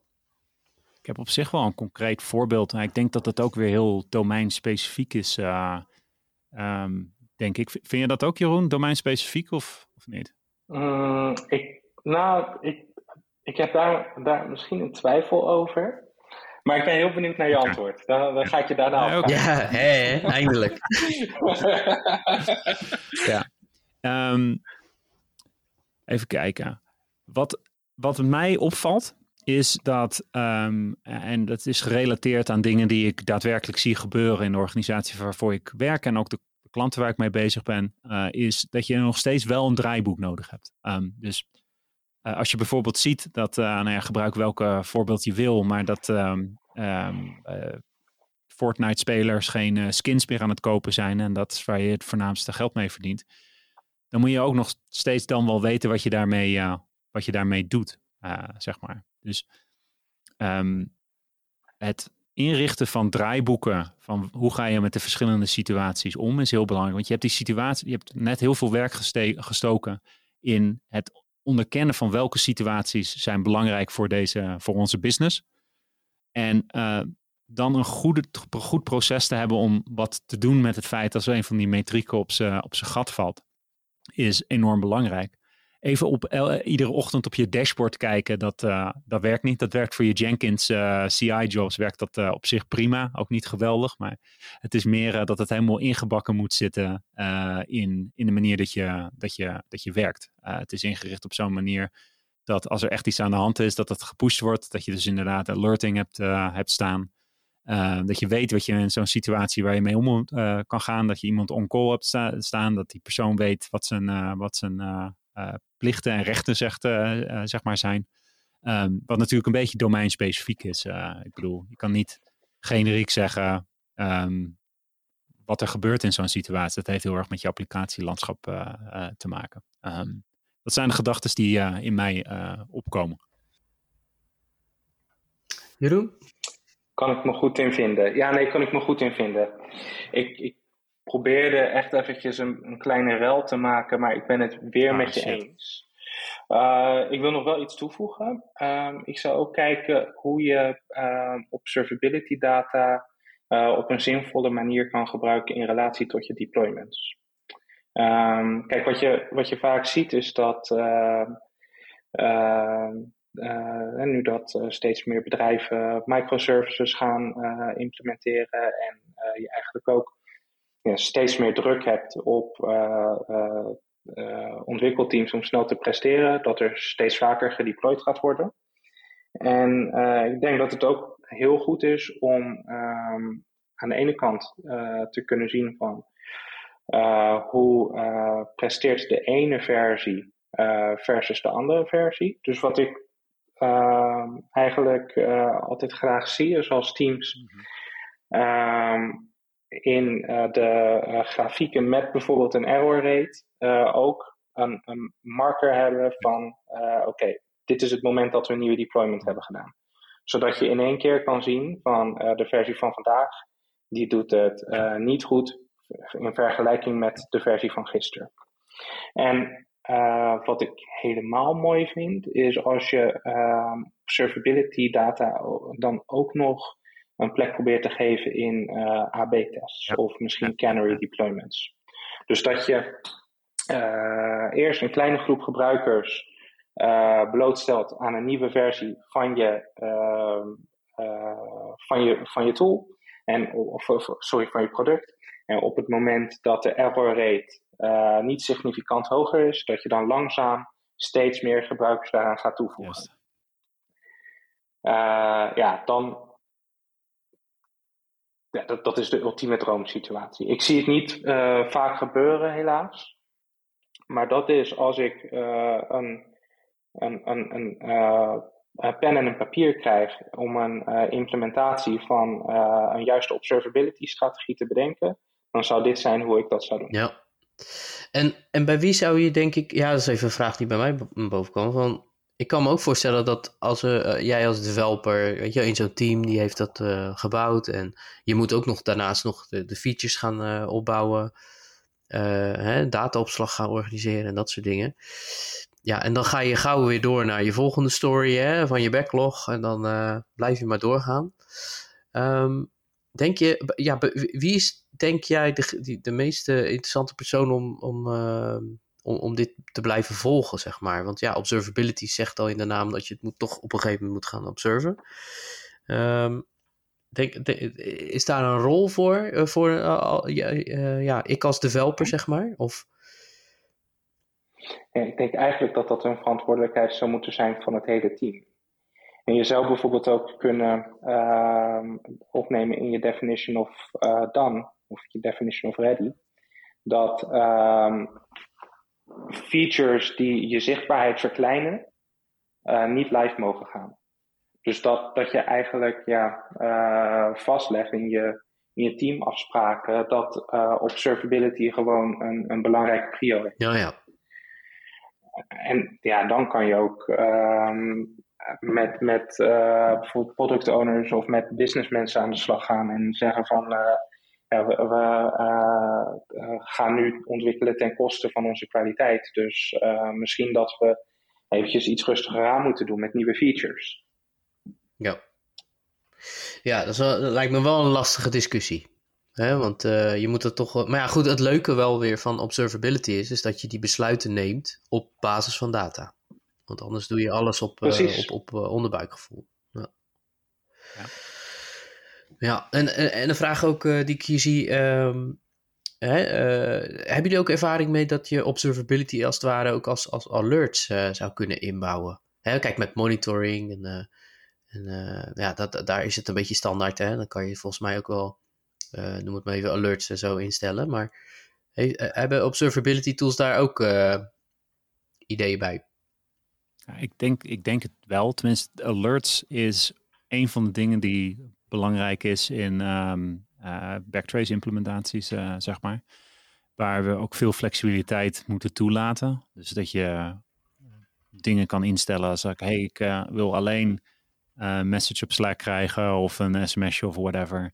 Als ik een fout heb die meer dan duizend keer plaatsvindt en meer dan, weet ik veel, 150 unieke gebruikers beïnvloedt, die meer dan 10% van de totale sessies um, representeren. Dat, dat soort dingen. Dingen die echt overdreven complex worden. Uh, um, maar je ziet dat die flexibiliteit wel nodig is voor nou ja, de individuele teams. Oftewel, het wordt weer heel erg domeinspecifiek en afhankelijk van hoe jij je geld verdient. En wat belangrijk is, um, hoe je de dingen wil, uh, wil, wil oplossen.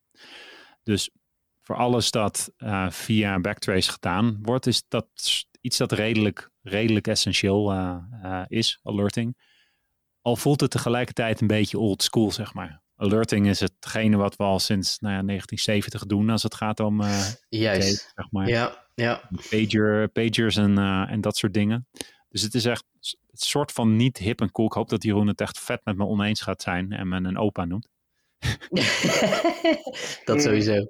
Nou ja, ik, ik, ik uh, ben het gedeeltelijk met je eens. Kijk, wat, uh, wat ik heel erg mooi vind, is dat uh, je nu best wel wat uh, machine learning ook nog kan loslaten op je um, observability data. En aan de hand daarvan slimmere alerting kan maken. Um, maar ja, ook dat heeft zijn grenzen. Ik werkte een, een paar jaar geleden voor een organisatie. Wij hadden een. Um, we leverden een online dienst en uh, dat uh, werd eigenlijk door de week uh, tussen bepaalde tijden gebruikt. En we hadden onze observability stack zo ingericht dat als er in een keer een drop in het aantal sessies kwam, dan kreeg iemand een seintje. Want dan wisten we van oké, of de website die is super lelijk geworden en mensen willen het niet meer gebruiken. Of uh, er is een uh, systeem kapot gegaan, uh, waardoor mensen geen toegang meer hebben tot ons systeem. Alleen toen was het een, volgens mij kerst, of in ieder geval een bepaalde feestdag, die viel door de week. En ehm, nou ja, niemand gebruikte onze tool. En ja, toen zijn er dus mensen voor niks wakker gebeld. Dus ja, het, op zich, ik denk dat alerting zal altijd blijven. We moeten er wel iets slimmers mee doen, maar de oplossing die is nog lang niet in zicht. Ja. Uh, ik denk dat we wel af, afstappen van uh, het type alert van hey, mijn harde schijf is vol. Of, ja. Um, ja. Precies. Ja. ja, klopt. Uh, ik, ik kan een beetje context geven ook. Ja, ook rondom de volgende vraag die uh, Wouter stelde, die, die vind ik wel, wel interessant. Die, die stelt de vraag: preventiemogelijkheden. Hoor. ja, ja oké, cool.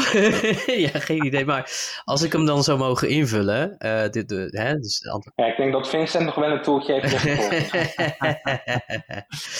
Nee, maar uh, als ik hem een beetje mag invullen in die zin. Um, uh, ja, ik werk, ik werk op dit moment bij, uh, bij uh, Ahold.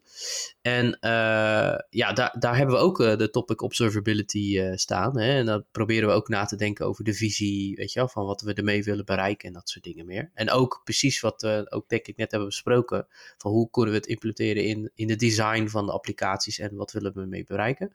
Um, en een van de dingen die ik hoor constant is self-healing.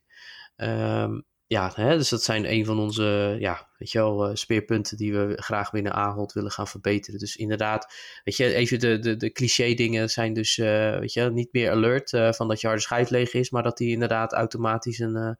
Gebruikersdata gaat wegplempen. Oh, dat, ja, zoiets, ja, precies. Ja, opschonen of weet ik veel wat, weet ja, je wel. Het is een grapje dat ik maak, maar tegelijkertijd is dat heel erg actueel is voor, voor ons op het moment. Um, dat bij crash reporting uh, meekomt, is dat soms die uh, rapporten echt super groot zijn, met name als van PlayStation komen of zo. En dat in bepaalde gevallen wij inderdaad zien dat uh, er nou ja, terabytes per uur bij, bij klanten bijkomen. En ik had het er net over draaiboeken en observability en weten wat je moet doen. Um, dat is een goed voorbeeld ervan van um, wat doe je in zo'n situatie precies.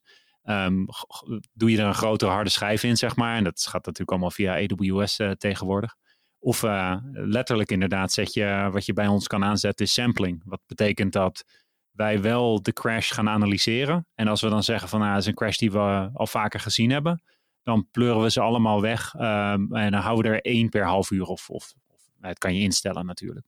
Maar dat zijn wel van die, van die voorbeelden daarvan. Van de beslissingen die je dan, dan moet maken. En gaat dat niet um, ten, heel erg ten koste van, het, uh, van de nauwkeurigheid van, van, van de verzamelde data? Als je dat, uh, als je dat het doet? Is, valt mee, maar dat komt omdat het, weggegooide, het weggooien plas, plaatsvindt nadat het, uh, het object, het rapport um, verwerkt is. En op het moment dat wij een object verwer um, verwerken, dan houden we een soort van de statistieken ervan bij. Um, maar gooi je een soort van het grote object uh, weg. Dus we weten bijvoorbeeld nog wat de call stack was, um, wat de process age was van iets. Uh, noem nog tien andere, andere dingen die belangrijk zijn. En dat de fout plaatsgevonden heeft en wanneer en dat soort dingen. Maar alle details, dus de core dump, de onderliggende core dump, wordt dan, dat wordt opgeschoond. Dus je hebt alle statistieken nog wel, maar niet de detailinformatie Um, de detailinformatie heb je er vaak maar één van nodig. Dus als, als er een fout plaatsvindt die meerdere gebruikers hebben, je hebt maar één core dump eigenlijk nodig. Um, dat, dat is een beetje wat erachter zit. Ja. Ja, precies. Uh, dit heeft dan ook weer te maken met, uh, weet je, dat domein specifiek. Kijk, uh, ik kan me voorstellen dat ze dat bij de NS niet zo snel zullen doen. um, dat ze waarschijnlijk achteraf ook nog ja. wel veel willen leren. Um, ja, ja maar kijk, dat, dat is weer um, uh, veel server-side. En ik denk dat ja, precies. Uh, wij wel heel veel uh, gekke corner cases hebben. Omdat dat IT-landschap gewoon zo groot is. Ja. ja. dus ja, wij, wij zullen denk ik, als wij een, een tool als Backtrace zouden implementeren, dan zouden wij geneigd zijn om best wel veel op te slaan, denk ik. Maar als, als een organisatie als NS dat zou doen, dan zouden ze waarschijnlijk ook een on-prem variant daarvan uh, uh, aanschaffen. Want dan beslis je natuurlijk zelf gewoon over je, je storage en dat soort dingen. Dat is vaak de onderliggende reden in deze discussies. Het zijn dan niet de grootste studio's. En kleinere studio's die, uh, die staan op een gedeelde omgeving, zeg maar. voor de grootste studio's. Die hebben een eigen omgeving. En nou ja, als de schijf bijna vol is, dan prikken we er een nieuwe in. En dan gaat de rekening naar de studio. Dat maakt verder, dat, kan ons, dat boeit ons relatief weinig, zeg maar. Ja, storage kost ook niets meer tegenwoordig. Dat, nee. Daar zullen ze niet wakker van liggen als ze die factuur Nee, inderdaad. Met name omdat we daar onze marge niet op maken, zeg maar. Dat is gewoon uh, doorschuiven wat AWS ons rekent naar, uh, naar de klant, zeg maar. Uh, maar ja, het kan, het kan heel snel gaan op het moment dat je het te maken hebt met dat het letterlijk een terabyte per uur aangroeit, zeg maar. Dat zijn van die, wel van die momenten dat je, je een strategie wil hebben. Ja. Ja, want kijk, kijk, we hebben het nu eventjes over een beetje de triviale dingen hè, met, uh, met uh, geheugen en uh, harde schijfruimte en dat soort dingen. Maar, maar ik zit ook even te denken, Jeroen zei het net ook al, dat AB-testen. Ja, um, ja. Kijk, ja, daar, dan wil je wel, misschien wel dat het systeem die je dan ontwikkeld hebt, dat die automatisch dan een besluit neemt. Hè, van dat inderdaad men, volgens mij zei Jeroen het, hè? Van als een website echt onwijs lelijk gevonden wordt, en we zien dat op een of andere manier. Hè. Ik, ik weet even niet hoe je dat kan bepalen. Maar goed, stel je voor dat we iets hebben bedacht dat dat kan bepalen. Ja, dat hij dan ook uit zichzelf gewoon een besluit durft te nemen. Ja, uh, ja dat zijn wel weer interessante dingen, joh. Hey. Ja, dat komt echt wel... uh, ja, launch, is... launch, Darkly en, en, en dat soort software. Um, dus de dat... Canary, Canary Release software. Oh, dat bedoel je, ja.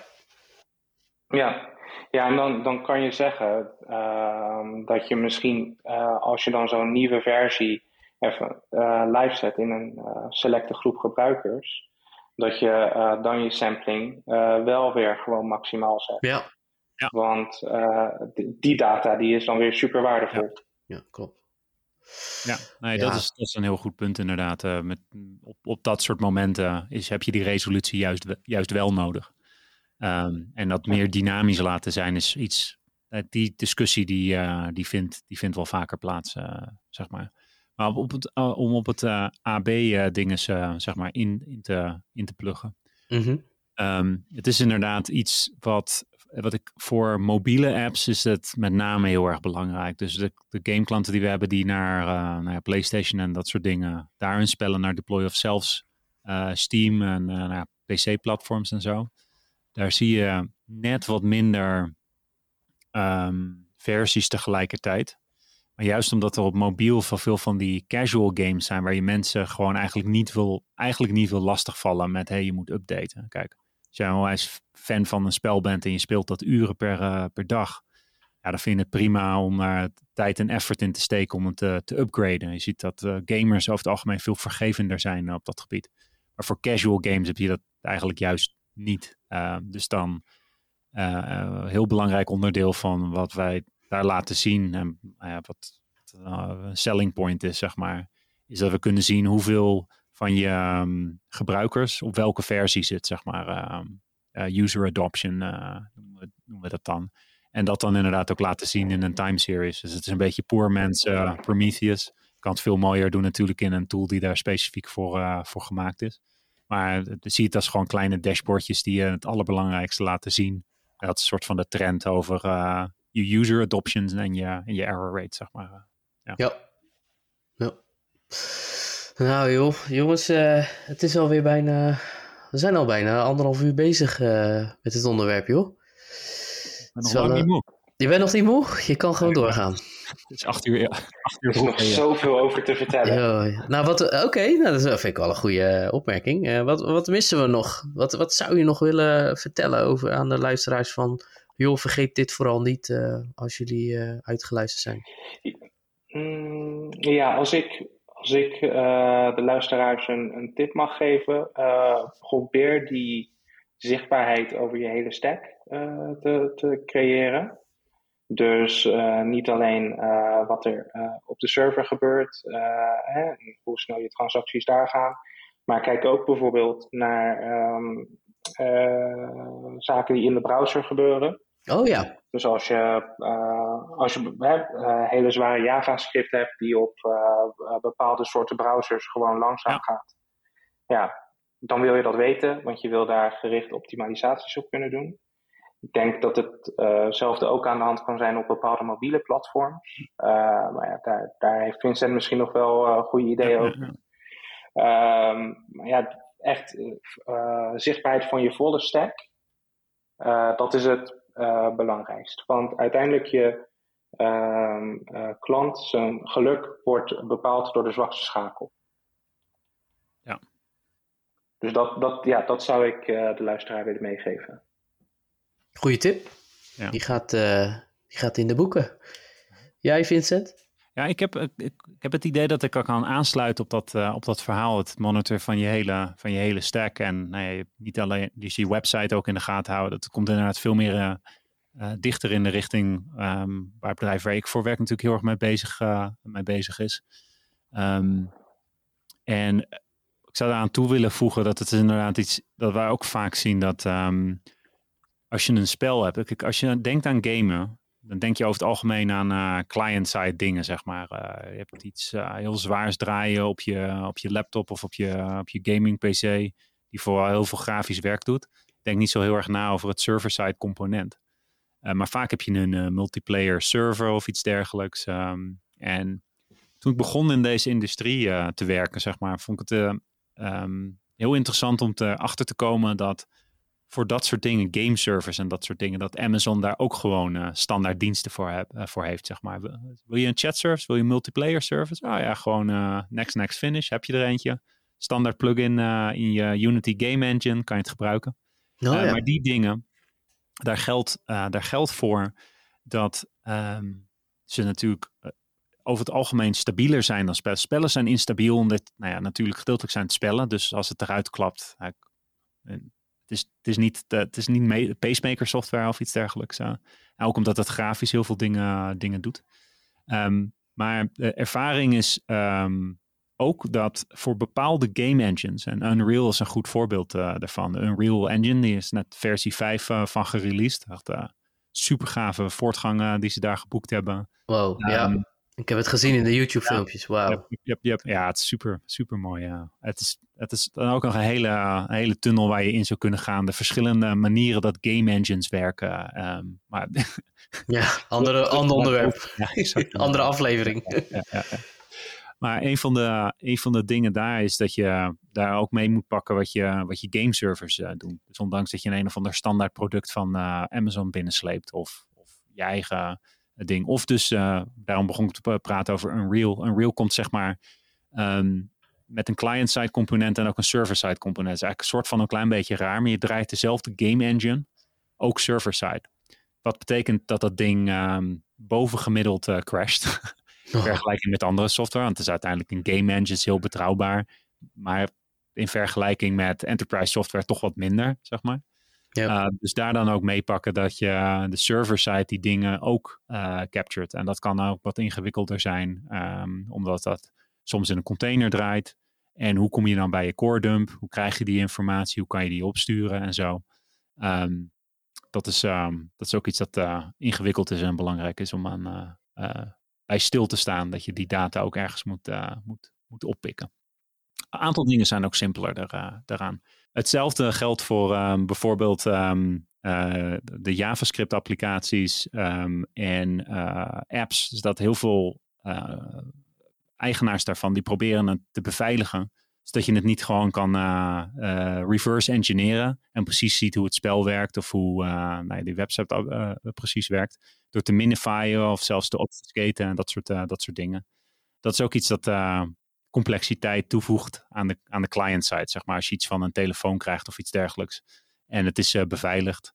Dat kan ook nog eens een dikke complexiteit toevoegen die je uh, vaak aan de serverkant uh, niet had. Ik ben even vergeten waarom ik erover begonnen was, maar nou ja, goed. nou ja, ik kan me wel voorstellen dat dat natuurlijk iets, iets doet met de observability, toch? Ja. Dus alles ja, modified is. En, ja, ja, ja. uiteindelijk ja, source maps kunnen, kunnen helpen natuurlijk, maar ja, dat, dat obfuscaten gewoon nooit doen. Ja, nee, dat zijn inderdaad dingen die automatisch ingelezen, ingelezen worden. En dan Backtrace uh, decodeert dat dan weer voor, uh, voor je. En dan kan je het gewoon weer lekker makkelijk doorpompen naar Prometheus. Dan heb je het allemaal plain tekst, zeg maar. Ja.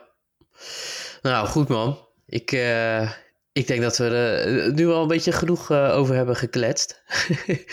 ik, uh, ik heb in ieder geval ja, heel veel van jullie geleerd, dus uh, ja, dankjewel uh, daarvoor. Ja. ik stel voor dat we doorgaan naar het volgende, ja, noem het maar even het luchtigere gedeelte van onze Codeklets podcast. Dus ik zou jullie twee ook even zeker aanraden om lekker even chill te gaan zitten en vooral te gaan genieten. Want we gaan twee leuke, ja, noem het maar even, subonderwerpjes doen. Eentje die heb ik even in de verrassing uh, gezet. Want normaal doen we altijd eventjes kort bespreken wat we gaan, uh, waar we het over gaan hebben, Jeroen en Vincent. Maar ik heb nog niet verteld dat we vandaag, ja, dat is een beetje een lange tijd geleden weer. Maar we gaan weer eens de developer dilemma's doen. Oh. Kennen jullie dat toevallig? Nooit van gehoord. Oké. Nou goed, uh, ja, iets wat ik persoonlijk vind ik echt wel leuk om even een beetje jullie te challengen. Ik ga jullie gewoon met twee uh, ja, stellingen uh, ga, ga, ik jullie mee confronteren. En jullie moeten er echt eentje kiezen. En it depends, ja, weet je, dat, dat willen we gewoon niet horen. We willen gewoon je mening weten. Dus ja, dus vandaar dat ik net zei van, hè, zorg ervoor dat je er relaxed bij zit en, en denk even goed na voordat je antwoordt natuurlijk. En uh, ja, en wie, wellicht hebben we nou wel echt een uh, ja, gevecht tussen jullie. Ik weet het niet. Maar, uh, ja, ik lok het elke keer uit, maar het lukt me elke keer niet in de afleveringen. Maar goed. Oké, maar we, dus we, gaan, we gaan er gewoon drie doen. En ja, ik ben benieuwd wat jullie antwoorden zijn. En ja, deze developer dilemma's die kun je halen van de developerdilemma's.com. dat is echt een free card game, zeg maar. En van AppSignal is het overigens. Dus die gaan we nu even doen. AppSignal is trouwens een hele mooie observability tool. Hey, we hebben er weer eentje bij. Cool. Yes. Ik kan je iets meer vertellen? Wat, heb je het wel eens gebruikt? Um, ja, een van mijn klanten gebruikt het. Het is een Ruby tool. En het doet eigenlijk ja, een beetje dat application performance monitoring. Dus kijken van ja, de, de, de, de, applicatie, hoe snel wordt die uitgeserveerd, waar wordt de, de, de tijd aan verspild. Maar ook ja, eigenlijk denk ik een beetje wel in, het, in het straatje van Vincent's werkgever ook. error Analytics. Oh ja. Um, om ja, dus stack traces te analyseren. En nou. dan, met, dan komt het met suggesties voor verbeteringen. Wat? Ik weet niet hoe, hoe uh, zinvol die suggesties zijn. Um, maar ja, het brengt het in ieder geval in beeld. Oh, wat cool joh. Nou, net, of ik het echt zo gepland had. Uh, maar dat was het echt niet hoor, uh, Vincent. maar nee, ja, het is inderdaad een app van App Signal. Dus cool man. Leuk dat je het even deelt, Jeroen. Nou goed, dan gaan we beginnen jongens. Ehm, hou je vast. En uh, ja, weet je, de, de eerste die reageert, die mag dan uitleggen waarom. En uh, de tweede, die mag daarna reageren. Dus uh, hier komt hij. Higher salary or more interesting work? Oeh. Dat wordt persoonlijk. Ah. Ja, ik woon nou in Amerika, hè? higher salary dan toch maar. Oké, ah, daarom ben je daarin gegaan. Zie je wel. Ik wist het, jongen. Kapitalisme, man. Ja, hè? ik zag, ik weet nog wel, ja, we hebben, het is leuk misschien om te vertellen. Ik, ik kan me nog herinneren in de tijd dat uh, bij, uh, volgens mij werkten we nog beide bij Xebia. Oh, ja. Ja, toen uh, kwam ik naar New York. dat was ook voor een van de sales ding. Oh, en heb je ja. me flink begeleid daar. ja, en toen had ik al het gevoel van zo, die Vincent, die is flink vooruit gegaan. toen ik jou daar ontmoette. Ja. Dus nou, ik, ik begrijp je antwoord. Ja, nou, ik, kan er ook, ik kan er ook meer aan uitleggen. Het is gedeeltelijk, het is iets, iets dat um, vroeger, of tenminste toen ik nog echt technicus was, was het interessante werk echt heel belangrijk, zeg maar. Wil je niet, um, weet ik veel, uh, zoveelste JSP kloppen, zeg maar. Omdat dat dan de primaire manier is dat je je, je dag doorbrengt en, en dat soort dingen. Um, wat ik nou zie in het werk dat ik, dat ik doe, is meer um, impactvol. Daardoor is het interessant, maar het is ook tegelijkertijd stressvoller. Dus ik, daarom is natuurlijk dit, die kaarten zijn zo, uh, zo gemaakt dat je er verschillende manieren over na kan, uh, na kan denken. Ja, tuurlijk. Ja. Dus uh, dat zit er ook een klein beetje achter. Ja, ja. nee, begrijp je joh. Ja. En jij, Jeroen? Ja, ik zit erover na te denken. Ik, ik vind het een moeilijke. Um, aantal jaren geleden zou ik gezegd hebben hoger salaris. dat, ja, op de een of andere manier merkte ik toen bij, bij elke zoveel honderd euro die erbij kwam, merkte ik dat, me, ja, dat meer kon doen. Ik kon groter gaan wonen. Ik kon een ziekere auto hebben. Ik kon vaker op vakantie. Uh, maar ja, na een tijdje, uh, dan, dan, dan, dan, voel je het niet meer op de een of andere manier. Ja. Uh, dus ik, ja, ik denk dat, dat als je, ja, tuurlijk, als, als je mij nu 500 euro per maand uh, toeschuift, kiezen, ik, ik, denk dat ik heel blij zal zijn. Ja. ik bedank je er zeker voor. maar het is niet dat het echt een, een quality of life improvement nee. brengt. Dat ik nu wel op een, op een ja, best wel comfortabel level zit. Uh, en dan vind ik het belangrijker om met die 40 uur die ik heb, uh, om daar dan iets mee te doen ja, dat me gelukkig maakt en, en ja, ook nog een beetje waarde toevoegt voor de wereld, zeg maar. Ja. Dus ik zou dan to ja, toch wel voor interessant werken. Ja, snap ik. Ja, ja want ik, ik had dat toevallig nog. Uh, dat was met mijn vrouw trouwens. Die had een keer ook ergens gesolliciteerd. En die, die manager daar die had een heel betoog over van, uh, dat er ergens een magisch nummer is uh, in Nederland. Uh, ja, en dan ja, interesseert het niet meer wat je dan, dan, weet je wel, of het nou meer of minder gaat worden, dat interesseert dan niet meer. Het levensgeluk niet. Precies. Niet ja, maar... Precies, en na een tijdje dan kom je ook op een, op een inkomen dat de enige die er echt nog beter van wordt, is de belasting. Ja.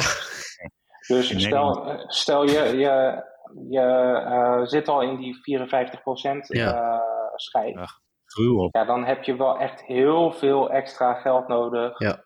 om uh, te zorgen dat je daar echt ja, ja, iets van merkt. En, na een tijdje, daar heb je ook al genoeg. Hè? ja, ik heb een auto, ik heb een huis. Tweede huis is misschien leuk voor in een ver land of zo. Maar tweede auto, dat zou een beetje. Maar in één auto tegelijk.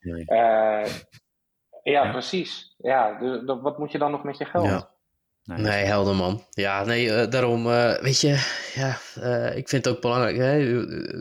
ja, zolang je maar gewoon de dingen kan doen waar je het meest om geeft, dat is het belangrijkste volgens ja. mij. En, en, ik, ik denk ook dat, um, kijk, als je, als je deze vraag buiten de IT zou stellen, dan zou het antwoord misschien ja. anders zijn. Ja, maar we zitten gelukkig in een industrie die al erg Ja, dat is ook zo. ja. Dus dan zullen er veel mensen gewoon more interesting work gaan kiezen. Ja, absoluut. Precies, precies. Oké. Nou goed, uh, ik stel voor dat we er nog even eentje doen. Ja, leuk. Ja. Even kijken. Oh, uh, de, ik zit natuurlijk eventjes naar de resultaten te kijken. Van, ik heb nu even more interesting work, uh, gewoon omdat we dat misschien samen zo concluderen. 65% inderdaad, die kiest daarvoor. Ja, oké. Ja. Oké, next dilemma. Ja, deze hebben we al eens gehad, dus die ga ik skippen. in, de, in de, hoe heet dat? oh, deze vind ik heel tof. Okay. Uh, stroopwafels of stroopwafels. nou ja, ik denk dat uh, ja, die, aan Vincent hoef ik hem niet te vragen, want jij bent gewoon ook gewoon een Nederlander. Dus. Stroopwafels. Ja. ja precies. Ja. Plus dat je ze hier ook, uh, als je met United vliegt, krijg je ook stroopwafels als snack. Dus uh, hey. De eerste is AdBlocker. De tweede is Chronological Twitter.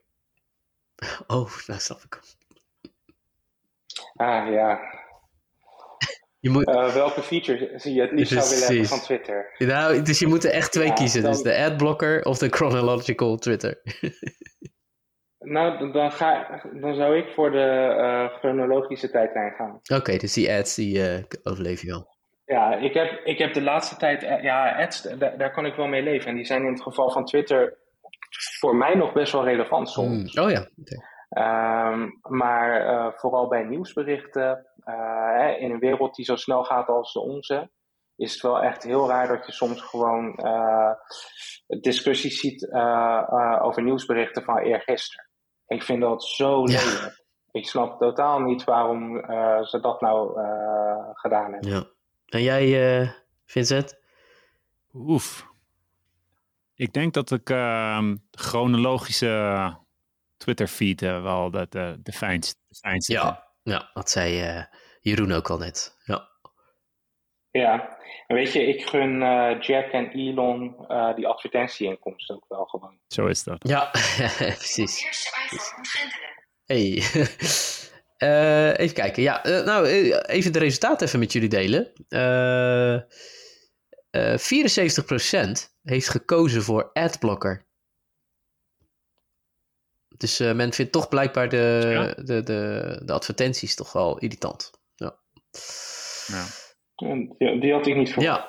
ja, ik ook niet. Ik zou ook inderdaad, uh, die adblockers, die, uh, dat kan ik nog wel mijn leven, ja. Of, uh, sorry, de ads. even kijken. Nou, laatste dilemma. Deze ken ik ook al, dus die ga ik ook even skippen.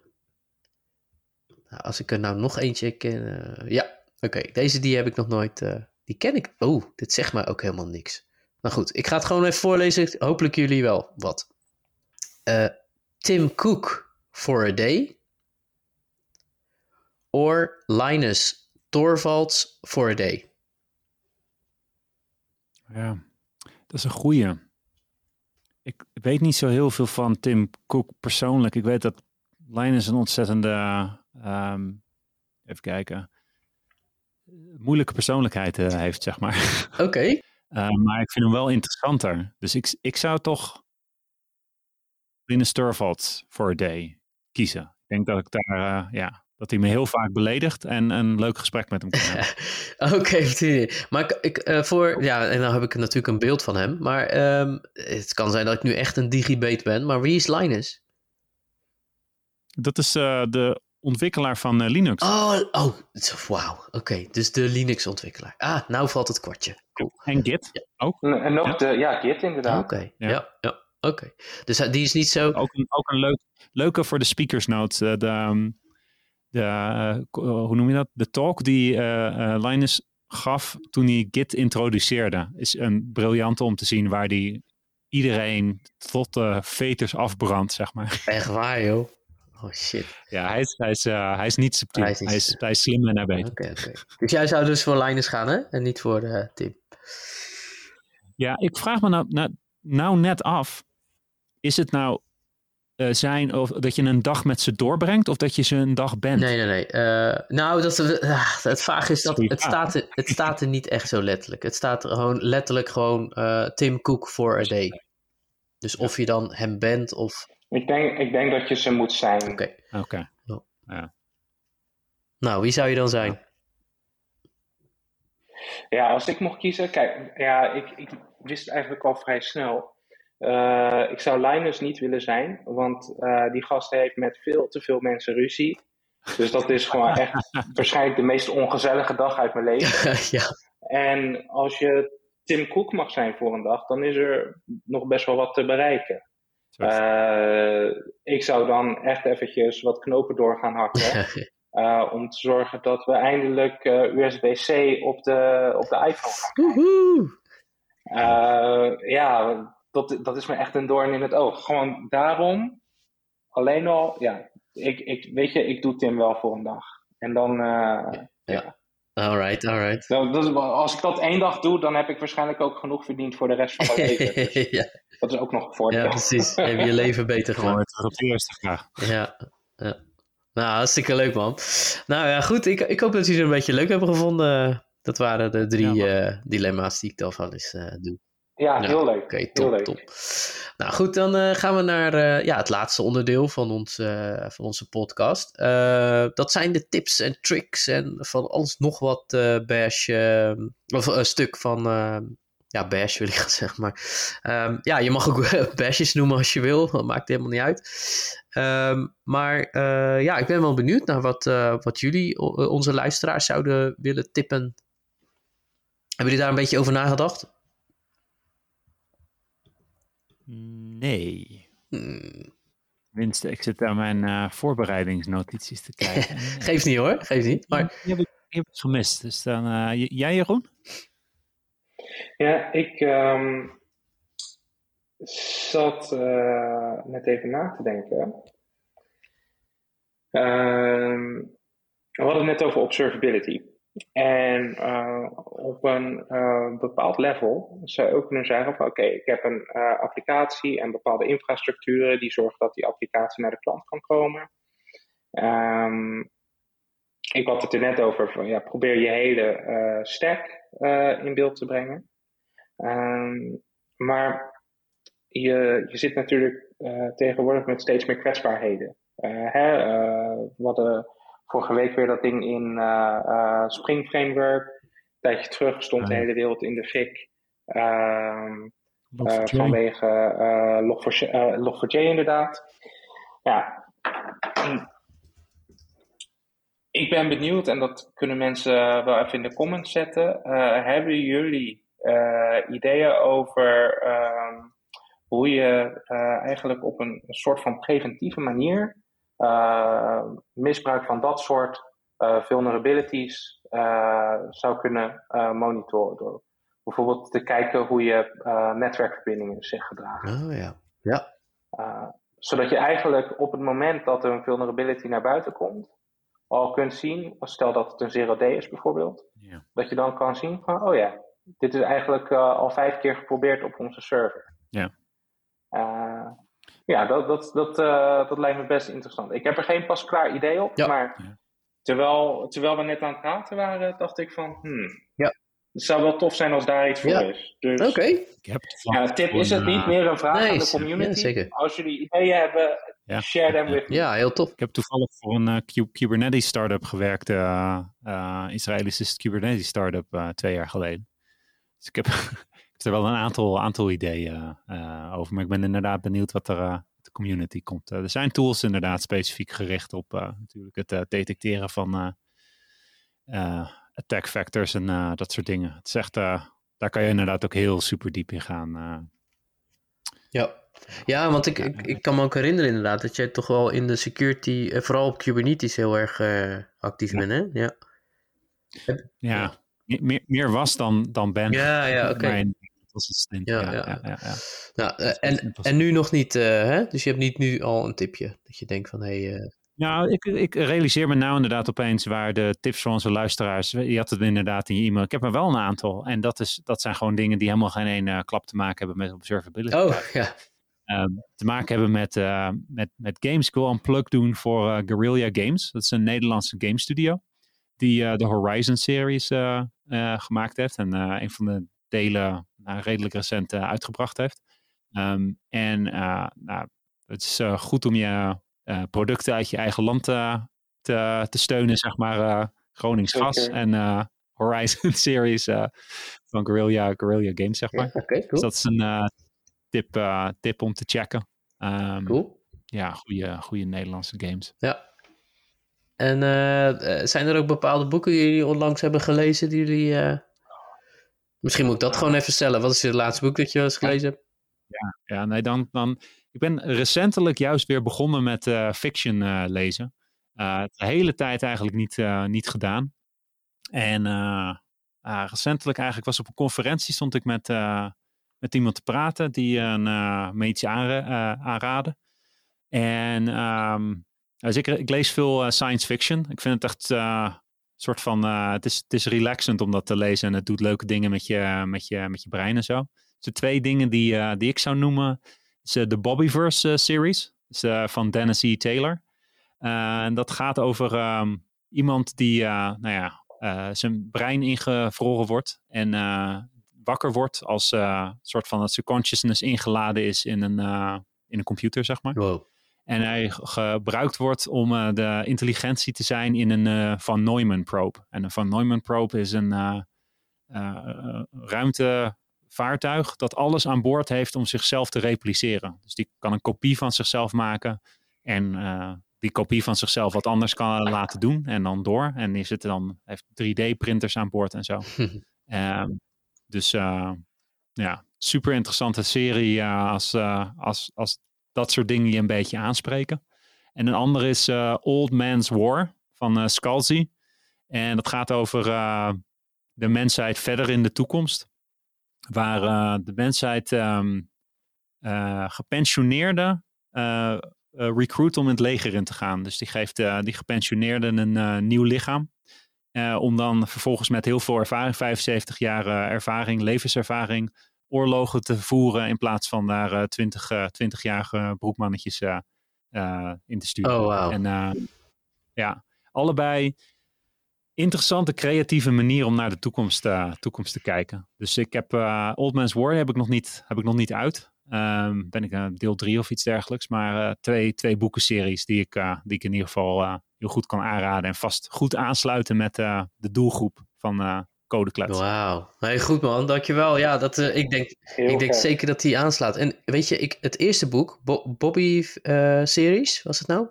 Bobby First, Bobby ja. First, sorry. Bobby First series. Is daar niet toevallig een serie van gemaakt op Amazon? Want het klinkt namelijk een beetje bekend. Want we hebben namelijk ooit een keer een aflevering gehad met... Uh, met uh, dat ging over mobile development. En uh, nou, de, de, de, gast, de gast daar, die had het ook over een serie die... Dat ging ook over dat iemand ingevroren werd en dan opnieuw, weet je wel, geïnjecteerd in het leven ja. met de gedachten. Of is dat iets anders?